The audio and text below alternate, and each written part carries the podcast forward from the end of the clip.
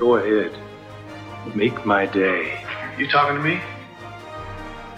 You talking to me? Are you not entertained? Are you not entertained? Labdien, un laipni podkāstā Kino Kults. Kinokults ir projekts, kur mēs fanojam par kino kopā. Kinokulta podkāstā katru nedēļu mēs runāsim par un ap kino, kas notiek ar kino pasaulē, Latvijā un kino kultā. Podkāsts ir pieejams Apple podkāsts, Spotify, Overcast, Pocketcast un citās iemīļotās podkāstu aplikācijas. Un šo podkāstu vadām es, Sergejs Masadovs, Kinekūta saprata balss un regulārs eh, Sergeja mediātors Līvas Pandega. Čau! Un rīdojas Kota filmogrāfs Sergejs Timonins. Hello, all you cool cats and kittens! Šoreiz mēs pārnēsim par to, kā mums ir kaut kādas ziņas, un pat ne visas ir par to, kas ir pārcelts vai nav pārcelts, kā arī mēs eh, pievērsimies mūsu galvenajai tēmai - streaming vai kinoteātri, jeb straumēšanas platforma pret kinoteātriem. Kādas priekšrocības ir katram no distribūcijas formātiem, un kā varbūt arī mainīsies tas nākotnē.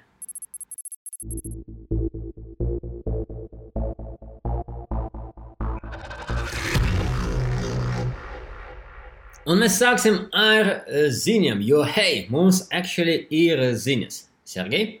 Jums ir uh, podkāstu plāns, ir sadalīts kā pārcelts, nav pārcelts, pārējais.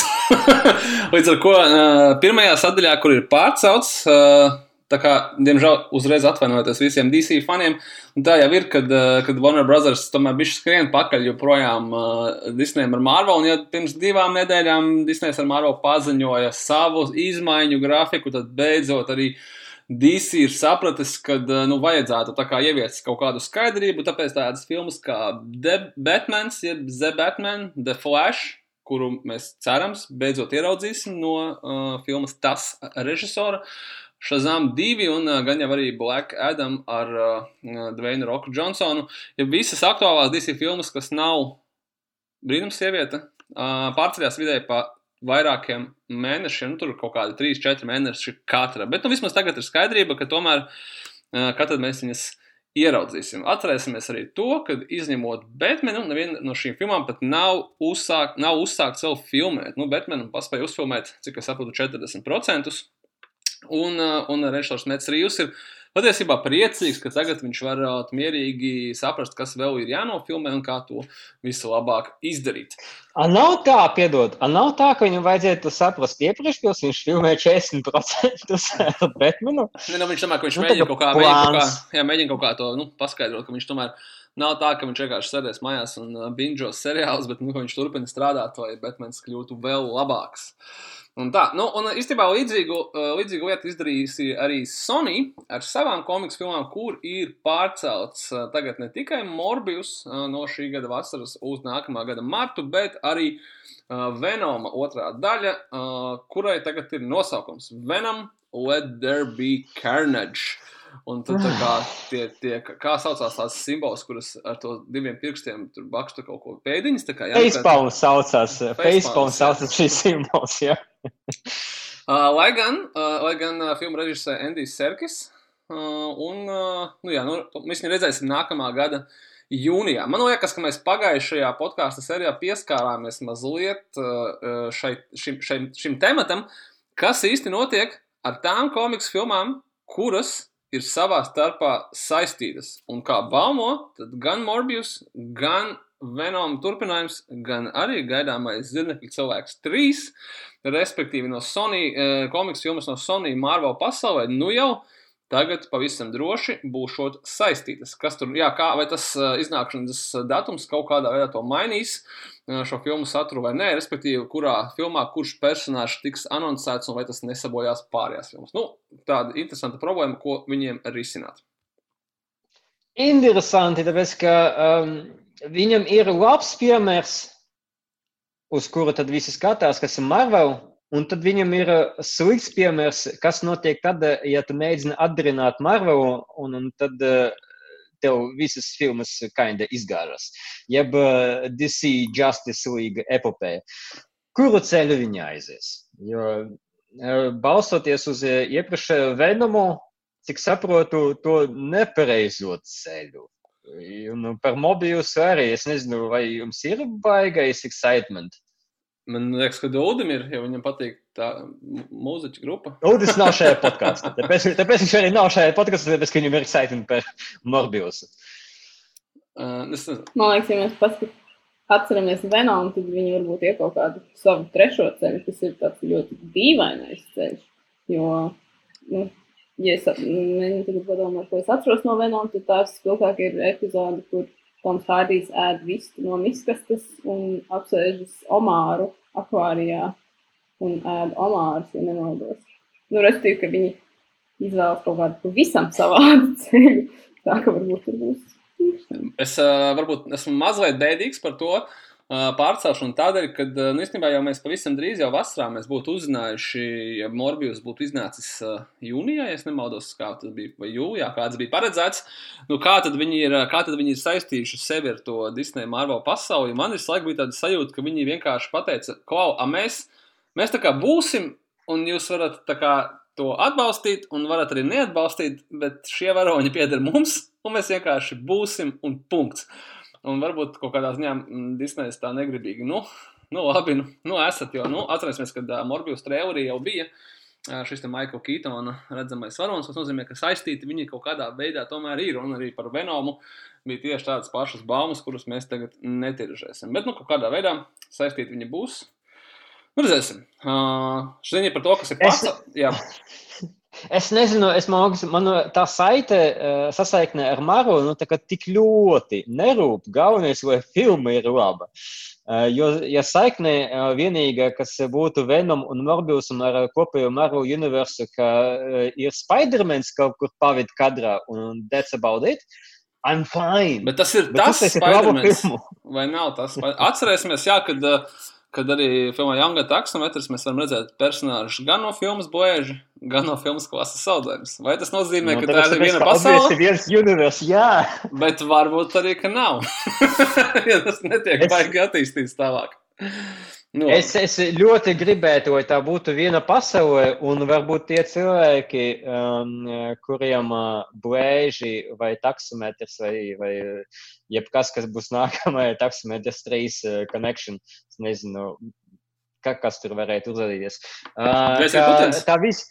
Ja, es, nu, jā, jā, velkam kopā, tad velkam kopā vienkārši un viss. Um, ka, ka tā visa pasaule ir vienkārši something of a unit, un, un, un mēs uh, varam tie, kam, kam nepatīk šī pasaule, vienkārši ļoti uh, konkrēti visu pasauli ignorēt. Tad vienkārši tad no, noliek to līniju. Reko, aiz līnijas ir blēži un taksometrs un jada, jada, jada. Nu, lūk. Bet, nu, labi. Kas nav pārcelts? Ir, vismaz, ir kaut kādas labas ziņas, es atvainojos. Nav pārcelts Venecijas kinofestivāls, tāpēc, ka uh, itāļi ir nemazāk spīdīgi kā franči, un šobrīd Venecijas kinofestivāls, kuram ir jānotiek šī gada septembrī, joprojām notiek. Kamēr nav pateikts citādāk. Man liekas, ļoti interesanti, ka viņiem bija kaut kādas baumas, ka viņi varētu kā, apvienoties ar Kanu kinofestivālu un taisīt vienu rudenī. Viņi teica, nē, paldies, mēs taisīsim savu festivālu. Un viss joprojām notiek. Nu, to mēs, to mēs droši vien redzēsim kaut kad jau pavisam tuvākajā laikā. Arī mēs atceramies no iepriekšējiem podkāstiem, kā bija ar Kanu kinofestivālu, ka viņš notika, notika. Un tad viņš vairs nenotika. Starp citu, ļoti līdzīgu, līdzīgu domu apsver arī praktiskie kanādieši, kas ir daļai pat francūži, ar uh, Toronto kinofestivālu. Tāpēc, kad uh, arī tam ir jāpatīk definējums. nu, jā. Uh, bet tur gan uh, viņi, viņi jau aktīvi apspriež to, kad uh, šis festivāls varētu pārcelties kaut kādā veidā tiešsaistē. Nu, tas ir arī kaut kas tāds, ko Venecijas kinofestivāls absolūti izslēdz kā variantu. Vai nu mēs notiekam, un mēs notiekam klātienē, vai nu tad droši vien nenotiekam vispār. Tā, un vēl... uh, es, es labprāt, ja, ja viņi notiektu klātienē, es esmu pieslēgts, es apskatīšos. Ja viņi notiek tieši, tā kā, sorry, ja viņi notiek tiešsaitī, ja viņi notiek klātienē, tad skaidrs, ka, I don't know, nu, kurš tad brauks? Nu, nopietni, rudens ir pārāk tuvu.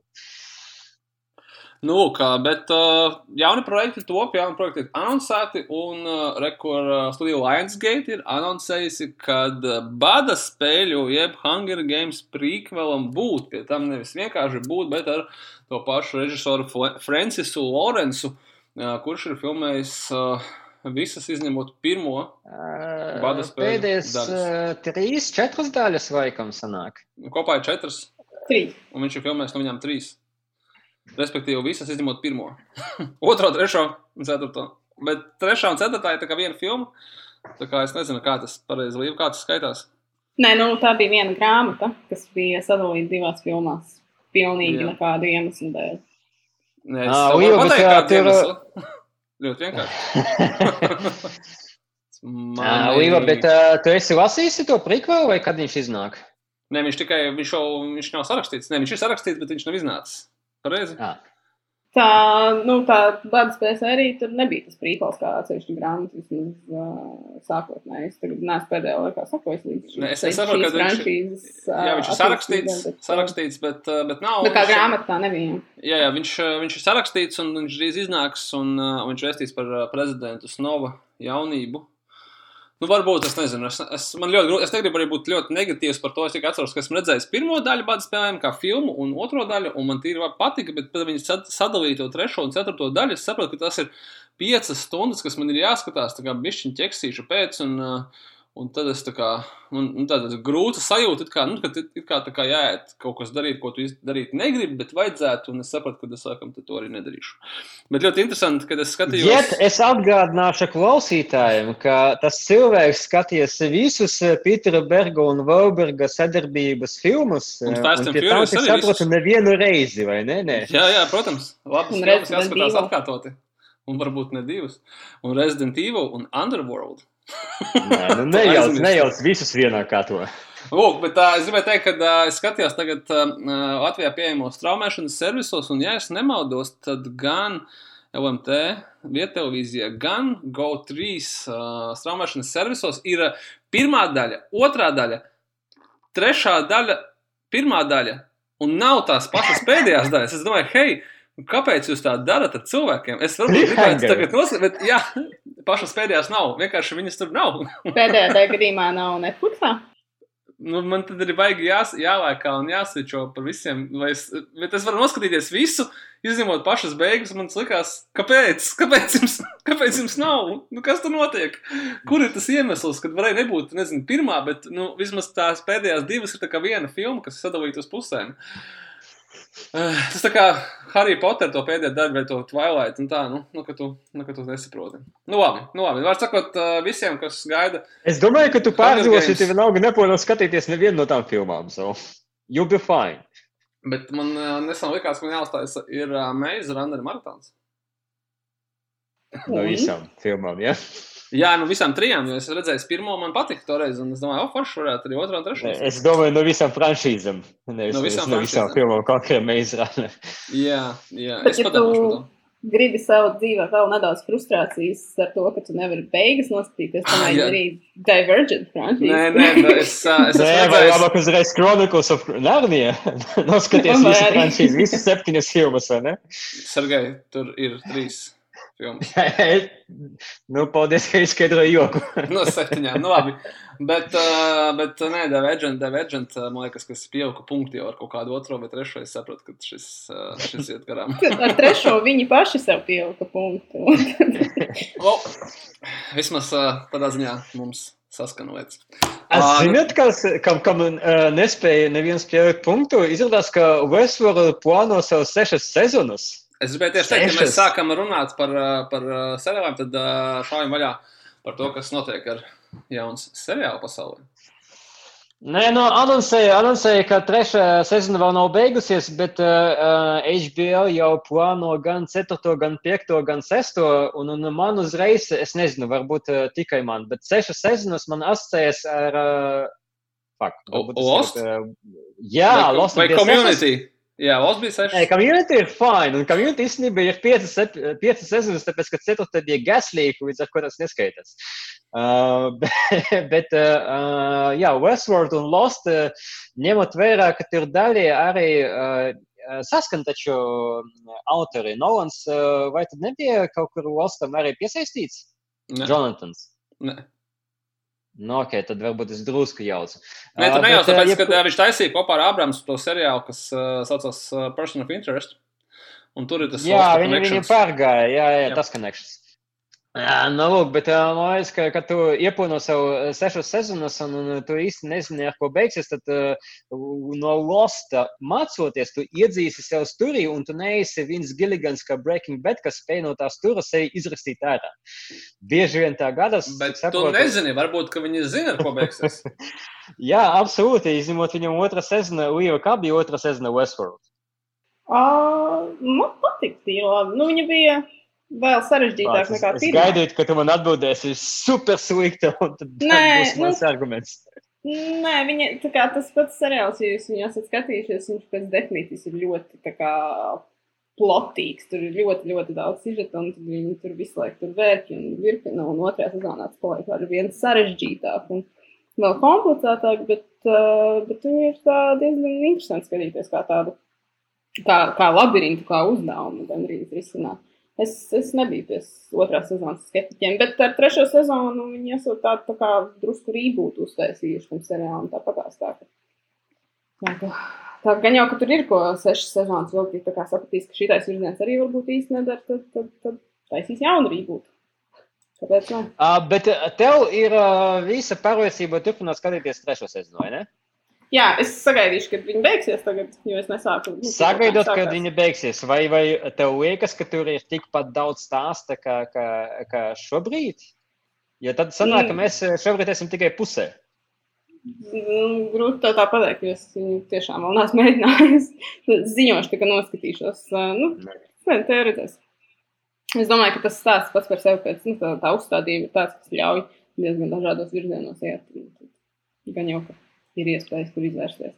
Bet es uh, lasīju ziņās, ka kāds ir neapmierināts ar to visu. Tas uh, teica Haris, kurš teica, ka viņam nepatīk, kas notiek ar viņu tēlu šajā sezonā. Vienīgi es diemžēl nezinu, kas tas ir, jo tur bija, nu, kas tas tiesot spoileri.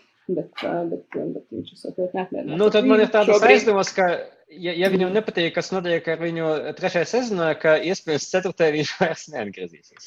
Nu, redziet, sevišķi, ja viņš vēl šitā izrunājas, jo nu, tas tā, tā ne, ne, ne izklausījās. Līva, kas, eh, kas vēl no seriāla mums eh, veidojas, vai kurus mēs eh, jaunas sezonas gaidām? Nu, mēs joprojām ļoti, ļoti gaidām, kad vispār pie mums ieradīsies Disney Plus, jo tas vēl nav pie mums pieejams, bet tur viss uh, griežas un rulējas uz priekšu. Mm, The Mandalorian, zvaigžņu karu seriālam, ir ne tikai jau nofilmēta otrā sezona. Tas nozīmē, ka viņi droši vien ir kaut kāda cerība sagaidīt šogad, tur, kur ir pieejams Disney Plus. Bet uh, Džons Favro jau ļoti aktīvi strādājot pat pie trešās sezonas, uh, rakstot uh, scenārijus un uh, strādājot visādi citādi pie sagatavošanās ar, uh, arī ar propu veidotājiem un ko tik vēl ne. Tā kā The Mandalorian turpināsies uh, visnotaļ ilgi. Uh, nu, protams, jautājums, par ko vispār tur būs tas stāsts, to jau mēs nezinām, jo nu, principā, mēs arī tā riktīgi nezinām, par ko ir pirmā sezona, izņemot to, ko visu mēs internetā jau esam Baby redzējuši, tikos un kur tik vēl ne. Uh, bet, uh, bet jā, otrajā sezonā viņiem pievienošoties uh, Rozārija Dawsone, kur atveidos Ahsoku Tano. Es pareizi izrunāju. Iespējams, tie, kas skatās konvors, varbūt arī varēs palabot, bet tas nav neviens no šī podkāstu vadītājiem. Bet uh, viņi, nu, viņi esot, es saprotu, ļoti, ļoti, ļoti mīļi cilvēkiem, kas tiešām. Iemīļota personāža no animācijas seriāla, kas nu, beidzot būs arī redzama uz uh, neliela ekrāna, bet live action versijā vismaz. Tā, tas ir ar The Mandalorian. Tā kā nu, es uh, pati arī ļoti ceru, ka mēs kaut kādā brīdī Disney plus ieradīsim pie sevis, jo tas ir tāds seriāls, ko es ļoti, ļoti, ļoti, ļoti gaidu. Bet viņi turpinās paplašināt zvaigžņu karu visumu arvien tālāk, jo top arī jauns seriāls, kas nav saistīts ar The Mandalorian. Nu, vismaz tā mēs varam pieņemt, mēs vispār nezinām, ko viņš būs. Mēs zinām tikai to, ka jaunu zvaigžņu karu seriālu veidos Leslija Hedlanda, kuru vislabāk zinām kā veidotāju Netflix seriālam Russian Doll, kas bija tāds uh, Groundhog Day variācija. Uh, nu, jā, par šo seriālu pagaidām mēs neko vēl nezinām, bet runā, ka tas būs ar uh, kādu sieviešu tēlu centrā un ka tam būs šo darbību risināšoties kaut, kaut kādā citā zvaigžņu karu laikā, pasaulē un vietā, nu, lai atkal paplašinātu to pasauli, cik var ņemties par tiem uh, Skywalkeriem vai kaut ko citu. Tā kā zvaigžņu karus mēs vēl skatīsimies ilgi un ilgi un dikti. Un, nu, jā, varam tikai atkārtoties, ka cerams, ka Disney plus neieraudzīs pie mums. Jo citādi lasām tikai šīs ziņas un iekalojamies. Un neviens no mums pat nav redzējis zvaigžņu karus The Mandalorian, vai ne, Sergei? Neviens vispār, viss tikai, tikai Wikipēdija. Visi tikai gaida un gaida un gaida. Bet nu, tā sajūta jau ir tāda, gandrīz, ka tu pusi esi redzējis visu jau gifos, tikko kā viņam tās jaunās sērijas parādījās. Tā nākamajā rītā iegāja Twitterī un tur jau viss notikās. tā ka kaut kāds pārsteiguma elements ir laupīts. Bet uh, Jā, tas ir, ir, ir baigi interesanti klausīties uh, britu podkāstus, kuriem tikko cer parādīties Disney plus, un viņi tevo, ka viņi nevienu nav redzējuši, un teikt, tur ir Baby Yoda? Wow, es nebūtu iedomājies! Šokējoši. Tā, tā kā jā, es, tas ir Baby Yoda apmēram uh, spoileris noturējies uh, cik vienu dienu vai divas dienas pirms viņas internets. Tas ir ļoti optimistisks. Ja tik daudz vispār. ja tik daudz, jā. Tā kā atbildot uz tavu jautājumu, Līja, par ko būs trešā sezona, es ceru, ka mēs vienkārši redzēsim visu joda augšanas gadu. Tas būs boyhood. Jā. Jo es, teiksim, es arī saņēmu Empire žurnālus, kuru vārki ir Baby Yoda, un ja nu es būtu aktīvi izvairījusies no viss šitā, tad nu, viss ir. Pagā, vai tu būtu aktīvi izvairījusies no interneta? No visa interneta. Nu, iedomājies, ka tu dzīvo alā, un tu kā es neko negribu zināt par Mandalorian, yes. un tad tev piegādā žurnālu mājās, un tad, damn, Baby Yoda. Nu, skumji. Nu. Drusku, drusku citā virzienā mums ir, cik saprotu, arī gaidāms, gaidāms turpinājums ne tikai zvaigžņu kara universa, bet arī šausmu stāstu universa no režisora Maika Flanagana. Ko viņš dara? Viņš nu, izveidoja The Haunting of Hill House pirms, ja nemaldos, diviem gadiem. Uh, kas Netflixā nu, vienkārši uzsprāga kaut ko tādu ziņā. Tas bija tāds uh, šausmu stāsts, spoku stāsts, kas bija balstīts uz Šerlīs Džeksonas grāmatas.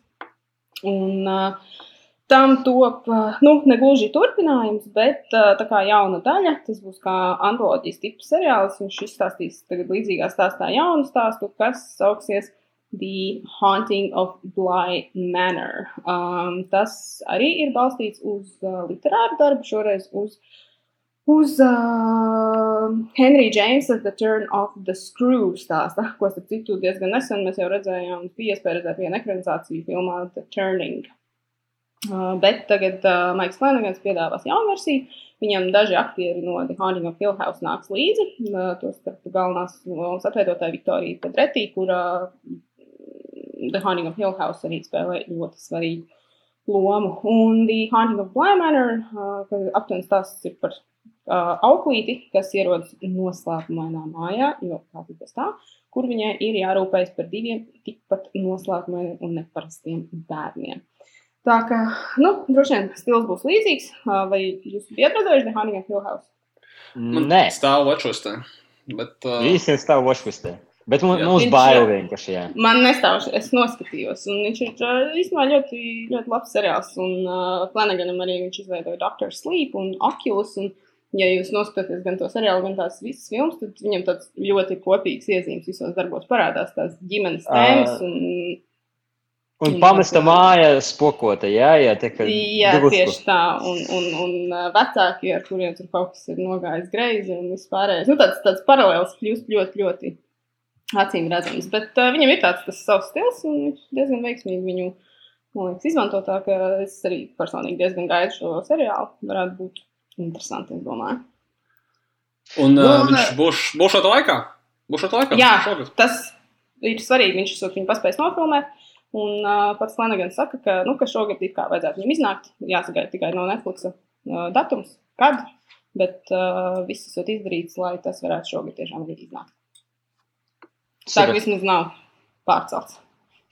Un runājot par Netflix un straumēšanas servisiem, Labas ziņas priekš tiem diviem Kevina Smita faniem, kas mums klausās. Um, Kevins Smits uh, pateica nē jūsu Netflixiem un Amazoniem un izdomāja, ka viņš taisīs uh, savu Lunaparku, jeb savu straumēšanas servisu, uh, kur viņš ievietos visus uh, savus filmas arhīvu ar uh, saviem podkāstiem, uh, cik pieļauju, ka arī laikam uh, An Evening with Kevin Smith, jeb gandrīz uh, stand-up, kas viņam uh, jau ir iefilmēts, viss, viss, viss ap Kevinu Smithu būs ielikts iekšā viņa subscription-based straumēšanas servisa, jeb samaksājot, es nezinu, fiksēto summu mēnesi, tu varēsi dabūt pieeju pie uh, sava iemīļota režisora, podkastera, scenārista un tā tālāk. Uh, man liekas, ka pasaulē, kur mēs tieši runājam par šo čatu, un liekas, ka pasaulē, kur mēs mēģinām demokratizēt procesu un visu laiku mēģinām izgriezt ārā cilvēku uh, video, kam tu maksā par to, ka tu viņu platformā ievieto saturu, tad Kevins Smits vienmēr ir bijis tas, kas iet drusku citādu ceļu. Dažreiz šis ceļš, uh, nu, teiksim tā, nav īpaši veiksmīgs. Uh, bet uh, priekš manis Kevins Smits vienmēr paus cilvēks, kas man izraisīja arī lielu patiku, mīlestību pret kino un pret uh, to, ko var darīt ar super zemo budžetu, kad viņš pats startēja 94. gada filmu Klērki. Un, un viņam pašam ir paticis citēt Greckiju, kur kurš teica, ka uh, tu neej uz to vietu, kur bija šaiba, bet tu ej uz to vietu, kur šaiba būs. Uh, līdz ar to es ceru, ka šis atkal būs gājiens uz to vietu, kur šaiba būs. Viņš meklē vienkārši kā uh, attīstīt formātu vai, vai kā mūsdienu uh, pasaulē ar tehnoloģijām tagad vat, attīstīt savu, savu saturu, piedāvāt uh, klausītājiem, skatītājiem. Lūk, Nu, forši, nu. Es ceru.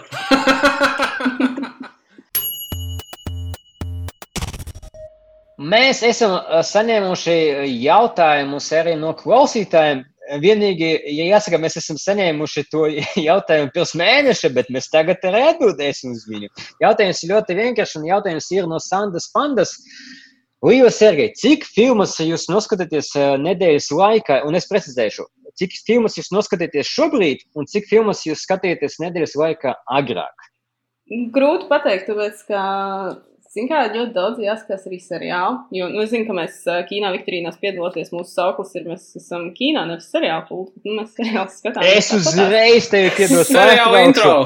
Tāpēc, ka uh, es, es, es par šito baigi domāju, un manuprāt, kino tomēr ir jātiecina jau arī uz seriāliem. Kino ir par kustību. Uz Prosta Marija Rēderēja, kas kur mums ir uh, konstanta kino Viktorīnā par šo jautājumu, un kāpēc kaut kāds seriāls, kas ir nu, nezinu. Nu.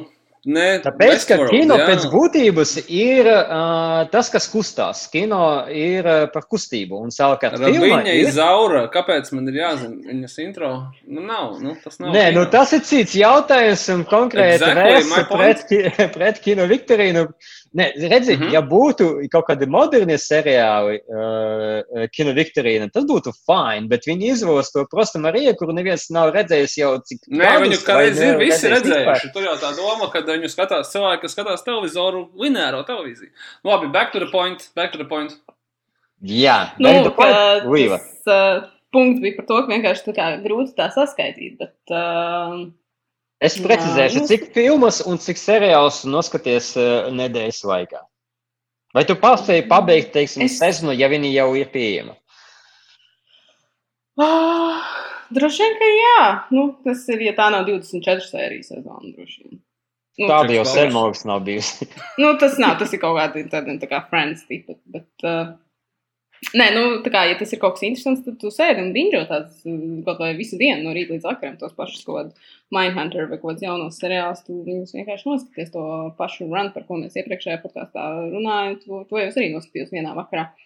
Tā kā, nu, man liekas, ir tā, ka tu katru dienu kaut ko drusciņu paskaties, ja tev nav tā, ka tu visu dienu esi kaut ko nenormāli aizņemts un ka tu vienkārši vakarā vairs nespēji, bet, uh, tas, man liekas, tāds vakar rituāls kaut ko vēl mm. noskatīties, vai tā būtu kāda sērija, vai, būtu, vai tā būtu filma. Un, nu, jāsaka arī tā, ka reizēm jau ir tā, ka es pat filmu nenoskatos vienā paņēmienā. Mm -hmm. Es esmu tā, tu iesāc vienā vakarā, pabeidz nākamajā. Tāpēc skaitlis ir tāds, nu, viņš diezgan variē. Bet, uh, Zini, kā, jā, tas ir valsts punkts par to, ka, tas valsts punkts par to, ka, nu, nedēļas uz nedēļu variē, un varbūt precīzāks punkts ir, cik mums gadā sanāk Letterboxdā filmas. Un tagad ir jāčako, jo es tā no galvas uzreiz nepateikšu. Kā tu tā... nezini no galvas? Es nezinu, tas pēc, ka 2019. gads ir, man liekas, bija pirms pieciem gadiem. mm. Saka, tev izzināms uh, Letterboxā, cik, cik tu gada noskaties? Un vai, vai tu esi pamanījis? Man, man vieglāk ir pateikt, tas, es, es zinu pre, diezgan precīzi, apmēram sajūtu, cik es skatos, un, un daudziem noteikti tas varētu būt īstenībā šoks tagad. Kā, kā tas var būt. Un, pirms, Vienu filmu? Pirms, karantīnas es bieži vien citreiz bija tā, ka es skatos no vienas līdz piecām filmām nedēļā. Es neesmu drošs, ka es kādreiz skatos vairāk par piecām uh, filmetrāžu filmām nedēļā. Sešas tas būtu baig, baigais retums. Uh, bija nedēļas, kad skatījos vienu vai divas. Tas ir kā viena ir obviously, teiksim, mūsu seansa filma, un otra ir vēl kaut kādā preses skrīningā, bet citreiz ir tā, ka tev ir pieci preses skrīningi pēc kārtas piecas dienas, un tad ir tās, tās filmas, ko tu skaties, tāpēc, ka tu vienkārši strādā to pārējo laiku, un tev ir cita dzīve. Un, uh, un jā, es tā kā neesmu bijis tas, kurš jau baigi rāvies, līdz ar ko vidējais tas cipars ir mazāks, bet, zin kā, tur ir tas ļoti vienkāršais uh, priekš klausītājiem, tu vai nu skaties filmas, vai tu strādā ar filmām, un, uh, un jūs esat pārsteigti, cik ļoti daudz, precīzāk sakot, cik maz filmas redzējuši filmu veidotāji.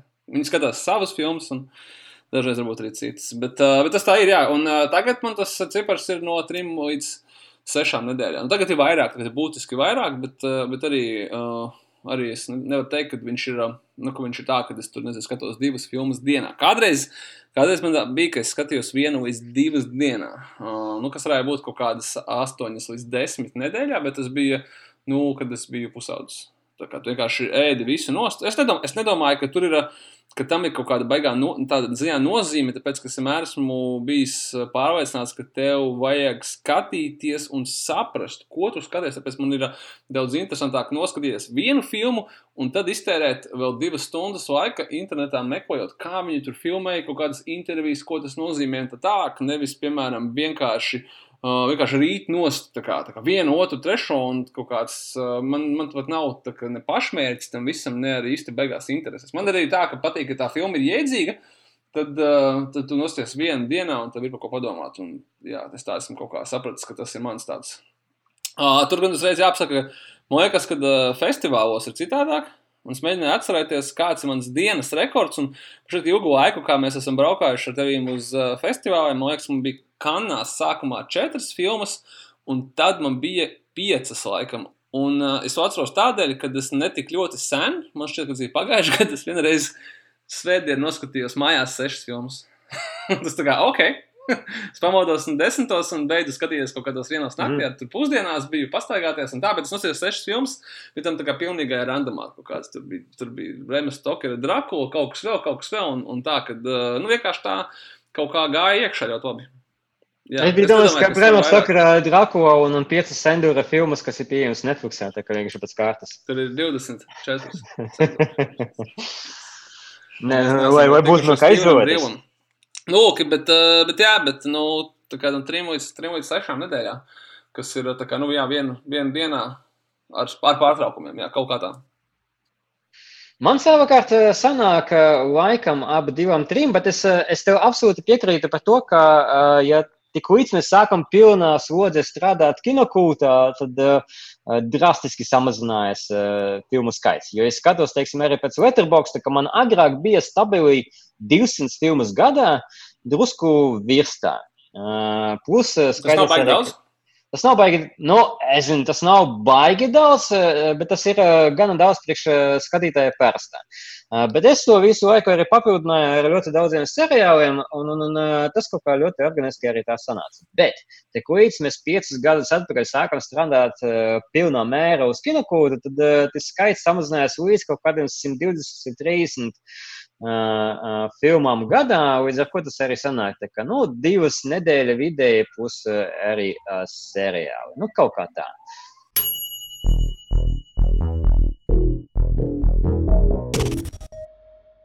Mūsu galvenais temats šoreiz ir straumēšana pret kinoteātriem.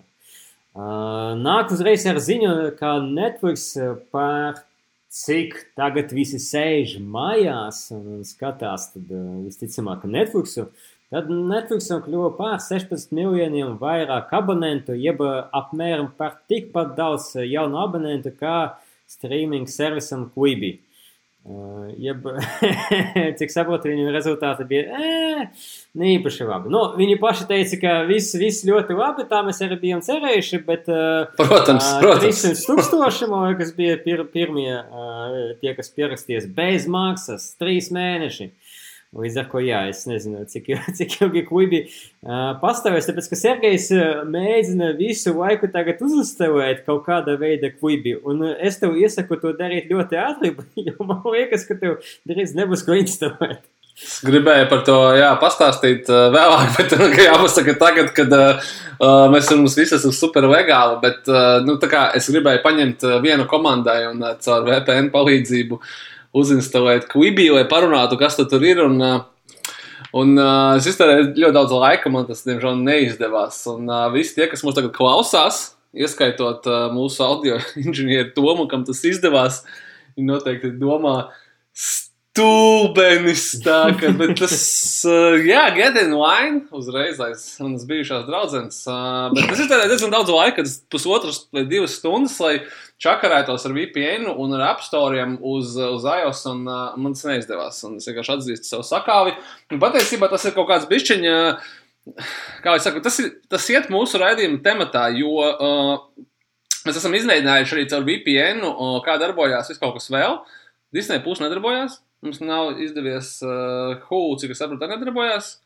Un, Uh, Zini, mēs- kā ļoti interesanti. Mēs, jā, mēs, uh, es uzskatu, teiksim, ka VPN ir pa pusē legāls. Tas ir pa pusē legāls. Tas nav īsti legāls, jo īpašnieks negrib, lai tas būtu pieejams. Bet tas nav īsti arī kā pavisam nelegāls. Mēs noteikti neiedrošinām viņu izmantot, bet mēs gribam apskatīties, kas tas ir, un es kaut kā sev to tā attaisnoju. Nu, es atvainojos. ka Nē, nu pusē arī, kad mēs noskatījāmies visu Netflix, tad mums ir vēl jāmeklē daži jauni streaming servisi.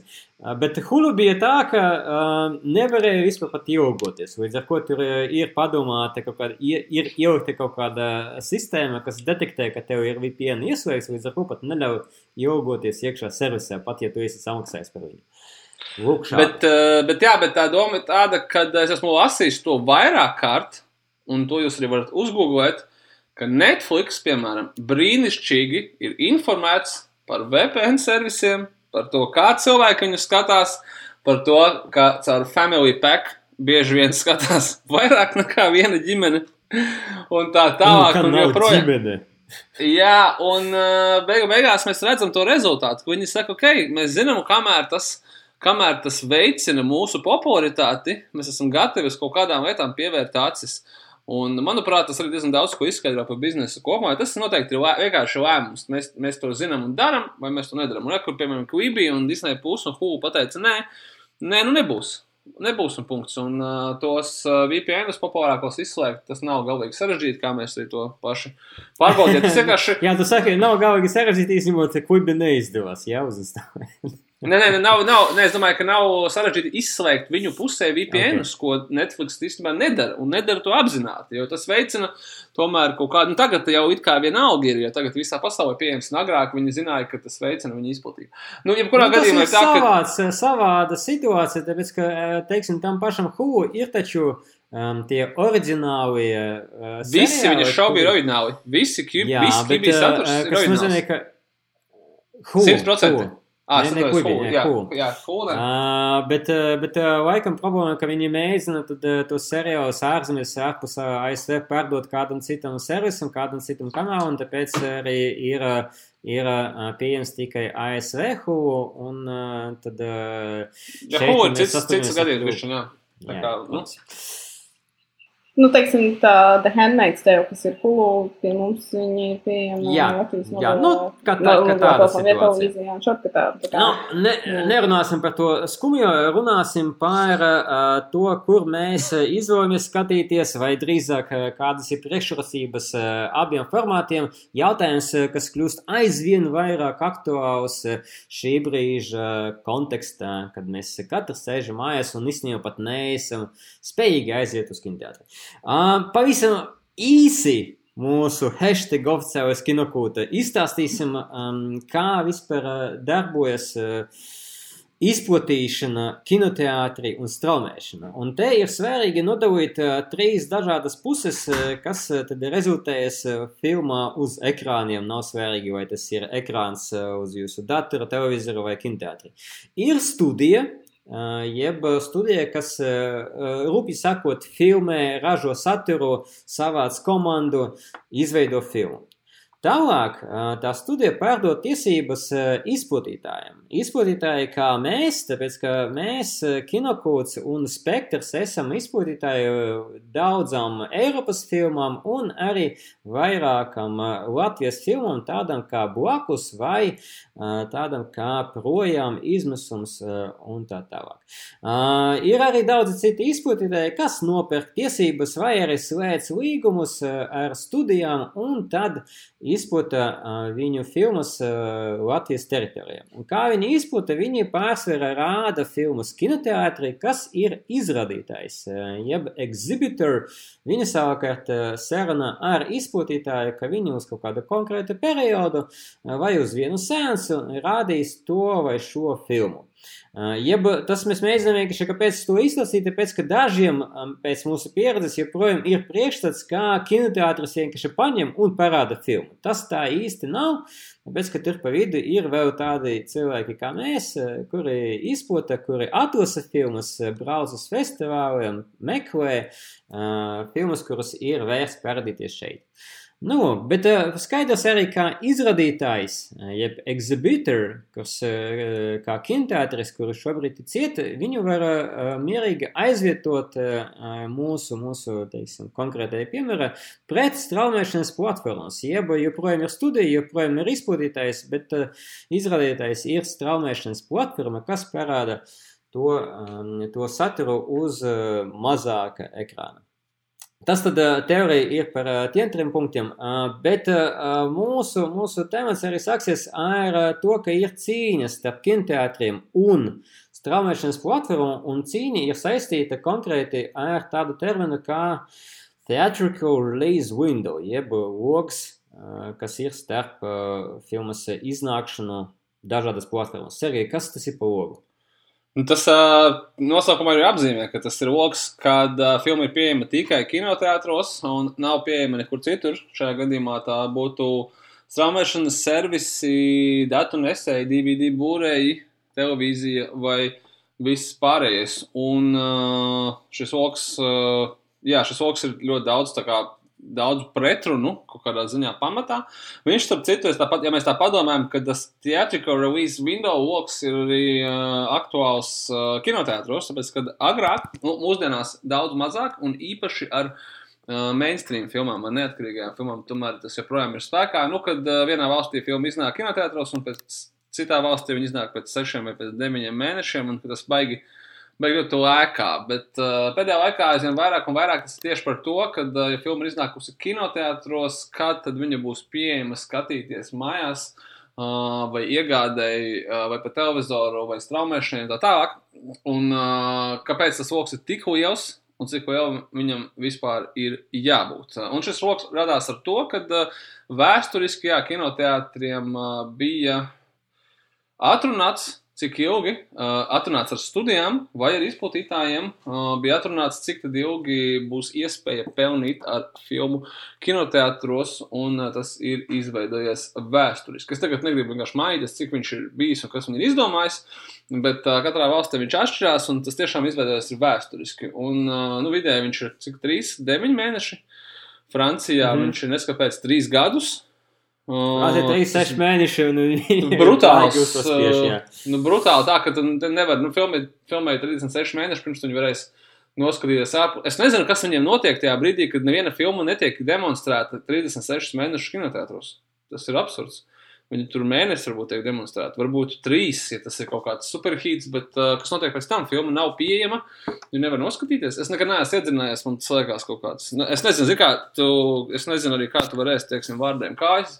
Līdz ar to es tā beigās ne, nevienmēr iedziļinos, kas Francijā notiek, un, un, un lai es to saprastu.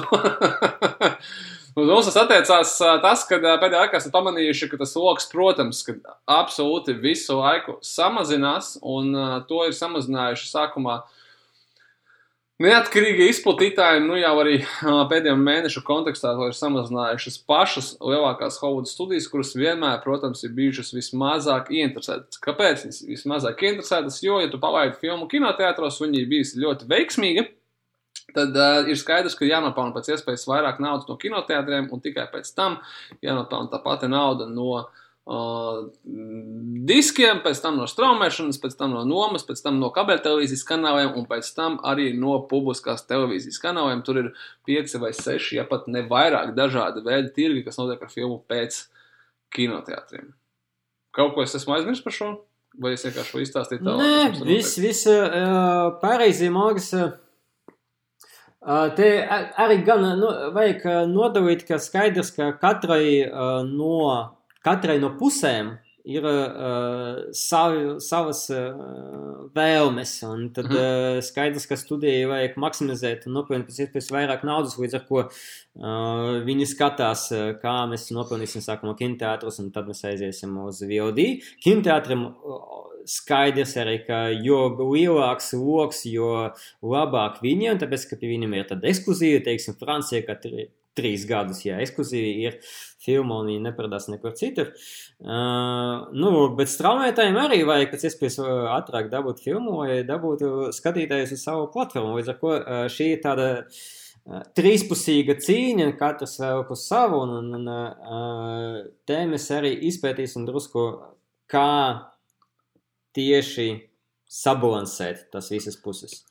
Jā, nu, kā, tur, ir, tur, ir, tur ir uzreiz varbūt uh, Uzreiz varbūt jāsāk runāt par to, ka šis theatrical release window kā jēdziens, manuprāt, viņš vienkārši kaut kādā brīdī sāk pazust, ja viņš vienkārši pazudīs, tāpēc, ka viņš pazudīs tajā brīdī, kad mēs sapratīsim, vai kad tiks pieņemts, kad kinoteātri un uh, straumēšanas platformas ir vienkārši ekvivalentas platformas, kur parādīties filmai. Ja būtu kaut kāds salīdzinājums, būtu ļoti jocīgi, ja kādu no precēm jūs varētu nopirkt fiziski lielveikalā, bet vēl trīs mēnešus nevarētu viņu pasūtīt online. Beigu beigās viņi vienalga nonāk pie jums. Tas ir ne līdz galam precīzs salīdzinājums. Uh, Bet tas būtu savā. Īstenībā, lai, lai, tas, lai, lai tas notiek. salīdzinājums. Jā, bet tas notiek. Tas notiek. Ir joprojām kaut kādas mantas, eh, fiziskas, eh, fiziskas priekšmeti, kas ir ekskluzīvi, piemēram, kaut kādiem eh, veikalu tīkliem. Mēs varam ielikt jebko iekšā, tur ASV, Eiropa, vienalga. Un tu vari tikai aiziet uz to veikalu un nopirkt. Un tu nevari pasūtīt viņu online. Protams, tādā veidā tiek panākts, ka kāda no pusēm pelna vairāk par to, ka ir šī ekskluzivitāte. Bet jā, tas ir ļoti līdzīgs. Ja šobrīd Šobrīd eh, vienkārši tas uzskats par to teātrikālu window, manuprāt, ir tāds, ka kinoteātrī jebkurā gadījumā ir augstāk, un eh, pēc tam ir straumēšana, un viņiem ir jāgaida. Un tas laiks ir no nulles līdz bezgalībai, ko viņi gaida, bet patiesībā, ja tu viņus novēc vienu otram blakus, nevis uh, trepē, tad, uh, tad, tad zūd kaut kāda zūd jēga, kāpēc vispār ir jāgaida. Tas ir tā kā, nu, man šeit viena no, viena no versijām. No personīgās pieredzes, uh, kā skatītājs, man tas dažreiz besīja ārā ka man ir ļoti jāgaida. Bet, kad mēs uh, strādājām pie filmu Kriminālas ekscelences fonds, mēs gaidījām desmit mēnešus, līdz tā filma bija pie, pie, pieejama straumēšanā, un būtu gaidījuši vēl desmit, uh, ja tam būtu jēga. Bet desmit mēnešos, un, un, un, un, mūs spieda burtiski nedēļu pēc uh, pirmizrādes kinoteātros, spieda, vai laižam straumēšanā, tūlīt būs rulēs viss, un, uh, un uh, mēs nepadevāmies, un, uh, un es esmu ļoti priecīgs par to lēmumu. Tāpēc, kad uh, viņi skatījās kinotētos, priekš kam jārāda, ja viss notiek. Nu, tā kaut kā, nu, tā kā tas bija, tas, tas aba, abas, abām pusēm ir taisnība kaut kur. Abām pusēm ir kuras puses, domā? Uh, straumētājiem un kinotētiem. Un pa vidu tam visam vēl ir filmu ražotāji, kuri ir, uh, kuriem jāsaprot, uz, kuru, uz ko te likt to likmi. Uh, kas viņiem nesīs lielāko labumu. Tāpēc, ka skaidrs, ka uh, kinoteātris grib savu labumu un traumētāji grib savu labumu. Nevis uh, nevienmēr tas būs labāk. Kinoteātris grib uh, paturēt savu ekskluzīvu logu. Traumētāji grib pēc iespējas ātrāk. Studija grib kā, maksimizēt peļņu un nopelnīt gan no kinoteātriem, gan no uh, straumētājiem. Te laikam tas konflikts drusku ir tas, ka theatrical window ir ļoti strikti noteikts katrā valstī, nu tur trīs gadi vai tur četri mēneši, seši mēneši. Un, un tas tad nemainās neatkarīgi no tā, vai filmai veicas vai neveicas. Skaidrs, teiksim, ja tev filma kā Kefs vai kā Avatars, nu, veiksmīgām filmām tas ir jā. uh, iet uz roku. Protams, veiksmīgām filmām ļoti labi iet kinotētos, viņi saņem, saņem daudz naudas. Uh, Nē, tas ir par to, ka, ka uh, veiksmīgām filmām tu gribi paturēt viņu ilgāk kinotētos un tikai tagad, tad izlaist uh, straumētājus, vai ne? Tā kā vai, vai uh, tu kā veidotājs, tieši tā kā tu minēji, tu kā veidotājs maksimizēta katru platformu. Jā. Un skaidrs, ka straumētājiem tas īsti nepatīk. Nu, nav, ne viss jau veiksmīgs. Un ne visas sievas ir veiksmīgas. Un tas ir tāds uh, cits punkts, pie kura mēs tūlīt atnāksim. Uh, bet uh, es vienkārši gribēju pieminēt, ka kā vispār kinoteātris sevi pozicionē, viņi pozicionē to, um, kā kino ir iespējams īsto kino. Capital E, Capital K ir iespējams skatīties tikai uz liela ekrāna kinoteātrī ar uh, ideālu skaņas sistēmu.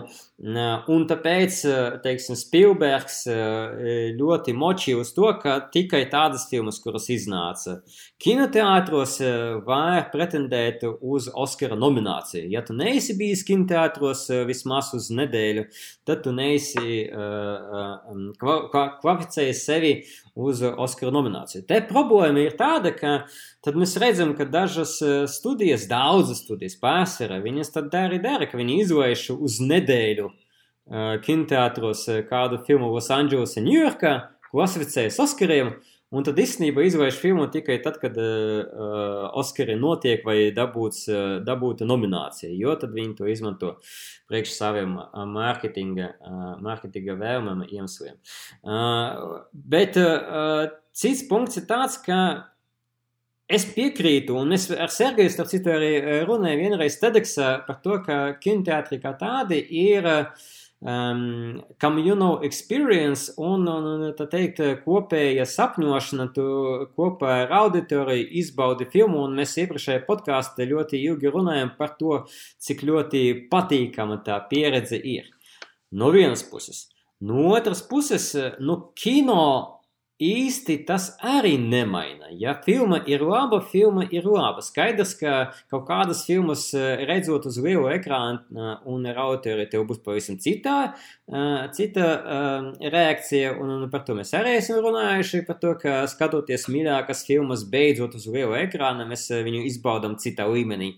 Bet no otras puses, ja filma iznāk Netflix un tas ir šedevrāla filma, tad viņa būs laba arī skatoties uz relatīvi mazāka ekrāna nekā kinoteātrī. Līdz ar to es šeit Spilbergam nepiekrītu. Tā kā Steven, calm yourself. Skaidrs, ka Spilbergs ir vienkārši vecais marazmātiķis un tā tālāk, bet uh, Tur uh, ir bijis, es domāju, arī Spilberga kontekstā ir baigi samiksējies jau, uh, samiksējušies ļoti dažādi jēdzieni, dažādas lietas, kur, kur daudz no viņiem ir vēsturiski un varbūt nav vairs taisnība. Tu man atgādināji, neskapēc tikko par to, ka visus 70., 80., 90. gadus bija tāds jēdziens kā B kategorijas filma, kura iznāk uzreiz uz video kasetē, tāpēc, ka viņa nav, nav kinoteātra cienīga vai nav kinoteātra vērta, kur ir kaut kāds, es nezinu, kolektīvais šo te izrādītāju, šajā gadījumā tie ir exhibitor izrādītāju uh, kopums, kurš ir pateicis, klau, šī filma nav lielā ekrāna vērta, un no tā ir radies tas jēdziens, tā kā B kategorijas filmas, kur kurš apzīmēja kvalitāti. Burtiski, ka šī filma neiznāk kinoteātros, jo viņa nav gana laba. Un to, sapratu, joprojām dara arī Latvijā. Ļoti daudz, ka kinoteātris skatās filmas, uh, kuras viņiem piedāvā izplatītāji, un viņi pasaka, ka klausies šo filmu. Mēs nerādīsim kinoteātros, mums liekas, ka viņai nebūs skatītāji. Nu, viņi nu, neinteresēs cilvēkiem. Nu, kas īstenībā apzīmē kaut kādā ziņā to, ka viņi tiešām nav tik ļoti kvalitīvi, ka nāks. Nu, mēs, viņu, mēs šo vienmēr izmantojam, ka, kā, nu, kad viņiem būs pa mazu skatītāju, bet patiesībā jau.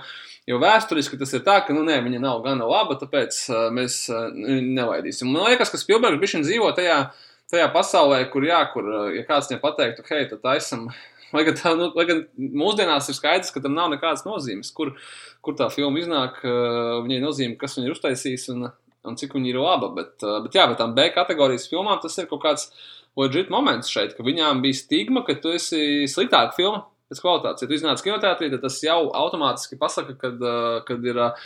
Kā minimums, kinoteātris īpašnieki ir pateikuši, ka, hei, mums redzam, ka šeit ir potenciāls, ka ar šo mēs nopelnīsim un, un šī skatīsies. Tur kaut kā. Transformeri. Transformeri. Uh, ir ļoti daudz, protams, piemēru, kāpēc, kāpēc nē. Nu, tur ir citi iemesli, bet, jā, bet, bet, bet es tāpēc es domāju, ka tas B mūvijas vai B kategorijas filmas, kurus mēs joprojām izmantojam, apzīmēt kā nu, kaut kas netik labs, varbūt izklaidējošs, bet Un, un, tad, un tad radās kaut kāda absurda, jā, ka Transformers ir B kategorijas filma vai kaut kas tamlīdzīgs. Nu, nē, tas, tas ir cits saruna, vai ne? Tas ir vienkārši mm. uh, miskomunikācija un, un aizspriedumi. Bet, uh, jā, uz. Nē, mans uh, komentārs par Spielbergu bija tikai tas, ka atcerēsimies, ka tad, kad viņš ļoti uzstāja šo. Uh, faktu, ka kino ir tikai, nu, ka, ka Oskariem var nominēt tikai filmas, kas ir bijušas kinoteātros. Pēc tam kādu nedēļu pēc tam vēlāk viņš bija kā viena no galvenajām reklāmas sejām Apple TV reklāmā redzam, protams. Mm -hmm. Tā kā Bet viņi nu, viņam arī viņš tur, viņš tur palīdz veidot seriālus, un skaidrs, ka Quibi viņš arī veido, veidos uh, savu projektu After Dark, un tas arī neskaitās kino, un uh, obviously nebūs arī nominēts uz Oscariem. Un kā es uh, teicu, recenzijas par viņa seriālu Apple Post, tad tiešām arī pat ne Emmy balvai un ne Globus ir netiks nominēts, tas ir pasākums. tas ir Amazing Stories, nesot labs, nu, es, es neesmu skatījies arī, piedod.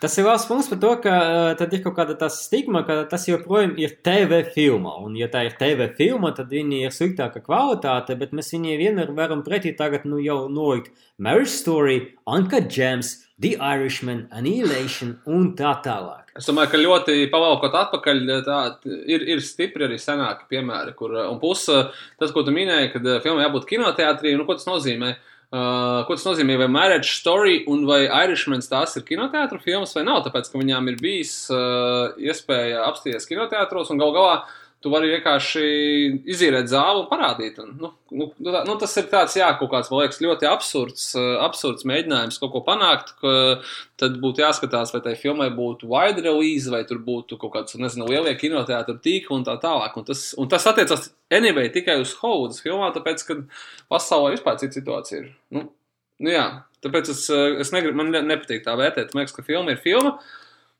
Pat ja man uh, gribētos skatīties kinoteātrī. Bet eh, te savukārt eh, ar filmu ir filma, un ar filmas veidošanu um, ir pavisam jau cits līmenis, tāpēc, ka straumētāji vairs nav tikai platforma, viņi ir arī satura veidotāji, jeb uh, tāpat kā bija standarta ceļš, kur ir uh, studija, un tad izplatītājs, un tad izrādītājs, kas ir kinoteātris, tas, teiksim, būtu tas klasiskais modelis, tad straumētāji, un es, teiksim, tagad konkrēti rādu uz Netflix, varam ņemt arī Netflix kā ļoti ļoti labu piemēru, jo viņš šobrīd ir līderis. Tad straumētais maina šo formātu, tāpēc ka šobrīd bieži vien Netflix ir gan veidotājs vai arī producents, gan arī izrādītājs, un viņi tad izgriež mūsu bastardi, izplatītājus no sava modeļa un pat taisno piedāvā saturu, kur viņi ir uzražojuši, ot, skatītājiem, jeb, jeb patērētājiem. Un te savukārt ir konkrēti plusi, ja mēs skatāmies uz to, kādu saturu Netflix var ražot. Līva, pastāstīsi mums par to? Uh, nu jā, jo tas Sergejs Pirmīts runāja par tām B filmām, ko uh, savulaik nerādīja kinoteātros, tad mūsdienās tas jau tāds diezgan zināms fakts, ka sāk izmirt tāda vidējā izmēra filma, tad, kas nav pavisam mazā budžeta un kas nav arī blockbusters, kad, kad, kad tā desmitu miljonu pro projektu. Viņi kinoteātros parādās ar vien retāk, un, teiksim, par Netflix mēs arī jau esam iepriekš runājuši, ka tagad viņi ir tā vieta, kur, teiksim, romantiskās komēdijas ir kļuvušas par tā kā atkal uzplaukušu žānru un tam līdzīgi. Un, uh, viņi arī līdz ar to tagad viņiem ir iespēja ar savu milzīgo naudas maisu izpalīdzēt dažādiem autoriem, kuri tagad ar viņu palīdzību var realizēt savus kaut kādus sapņus. Kuram nauda beidzās, jā. nauda beidzās, jā. Sēzi, piemēram. jā, viņi tā kā Netflix var atļauties uh, dot naudu tam, kam, kam, kam parastās tradicionālās studijas īsti kaut kā, nu, tā kā sāk jau užmiegties. Teiksim, jā, tas pats skarsēs, par kur mēs runājam, ja nemaldos, pirmajā raidījumā, pavisam ilgi un dikti. Jā. Mēs apspriedām viņa jaunās filmas budžetu, un arī, protams, The Irishman stāsts noteikti mums visiem ir labi zināms, ka nu, tā nauda, kas tur bija vajadzīga, bija tik milzīga, ka neviens tā īsti to nevarēja uzņemties līdz atnāca Netflix ar savu naudas maisu un teica, hei, Mārtiņ, nāc pie mums. Uh, nu, protams, jautājums saka, ir par to, cik Skorsēdis pats bija laimīgs par to, ka viņa filma iznāca Netflixā un kinoteātros dzīvoja salīdzinoši īsu dzīvi un tādu ļoti limitētu dzīvi, jo, nu, kā jau Netflix stilā tika izlaista kinoteātros tikai dažos un arī ne uz ilgu laiku. Uh, tas pats ir arī teiksim, ar Alfonso Koronu, kur Roma nonāca beig beigās Netflix rokās un arī piedzīvoja pavisam īsu kinoteātru dzīvi. Un vēl, un vēl šāds projekts mēs varētu minēt. Un arī, teiksim, pavisam nesenais Oskar ieguvējs Džunho Bonds. Viņa iepriekšējā filma pirms parazīta Obģa, viņa arī nonāca tieši pie Netflix, kur viņš viņu izlaida. Nu, tāpēc, ka, ja tu gribi taisīt filmu, tad tev ir jāmeklē kaut kādas iespējas, kā to darīt.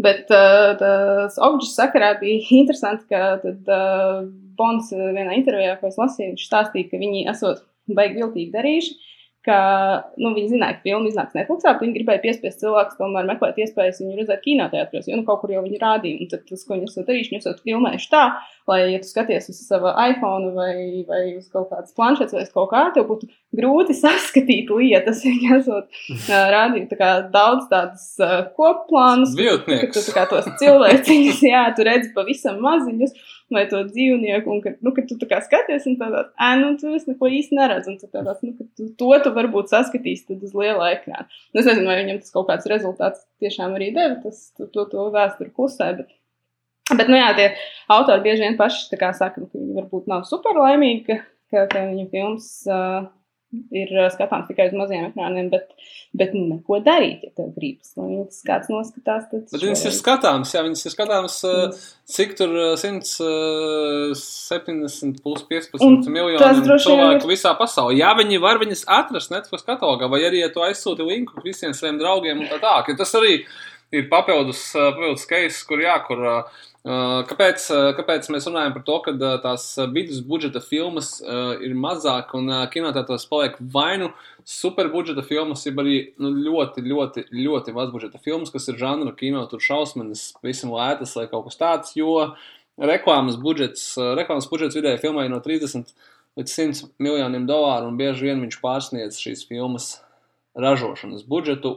Straumēšanas platformu gadījumā uh, reklāmas budžets ir parasti tuvu nulē. Viņš nav nulle, viņi Netflix arī un pērk kaut kādus billboardus. Bet bieži vien viņi izlaiž traileri, tā kā divas nedēļas pirms filma parādās. Bet viņš, bet viņi ietaupa būtiski uz, būtiski ietaupa uz reklāmu, jeb filmu uzreiz paliek daudz mazāku risku, un, un arī tas ir. Tas nozīmē, ka viņi var eksperimentēt vairāk ar pašu filmu saturu, un te ir labs punkts par to, ka mid-budget filmas varbūt atrada savu ārēju lauciņu eksperimentiem, jeb kā Netflix var iedot eksperimentālām filmām salīdzinoši mazu naudu priekš sevis, bet gana lielu naudu priekš veidotāja, lai viņš eksperimentē. Tas, kā tas sanāk, tas ir cits jautājums, jo dažiem uh, kā mēs eh, redzam, varbūt vajadzēja kādu stiprāku, eh, stingrāku producentu, kas pateiktu, kā guži kā Hovudu studija, klau, varbūt šito nedara, tas ir pārāk weird un nišīgi, un neviens tevi nesapratīs. Uh, bet no otras puses, uh, varbūt to arī uh, teikt nevajag, tāpēc, ka citādi kāds to varētu pateikt arī Robertam Egersam, un mēs neredzētu, kā Pattinsons nogalina čaiku. So, visi, visi ir savi. What? Birds, boring.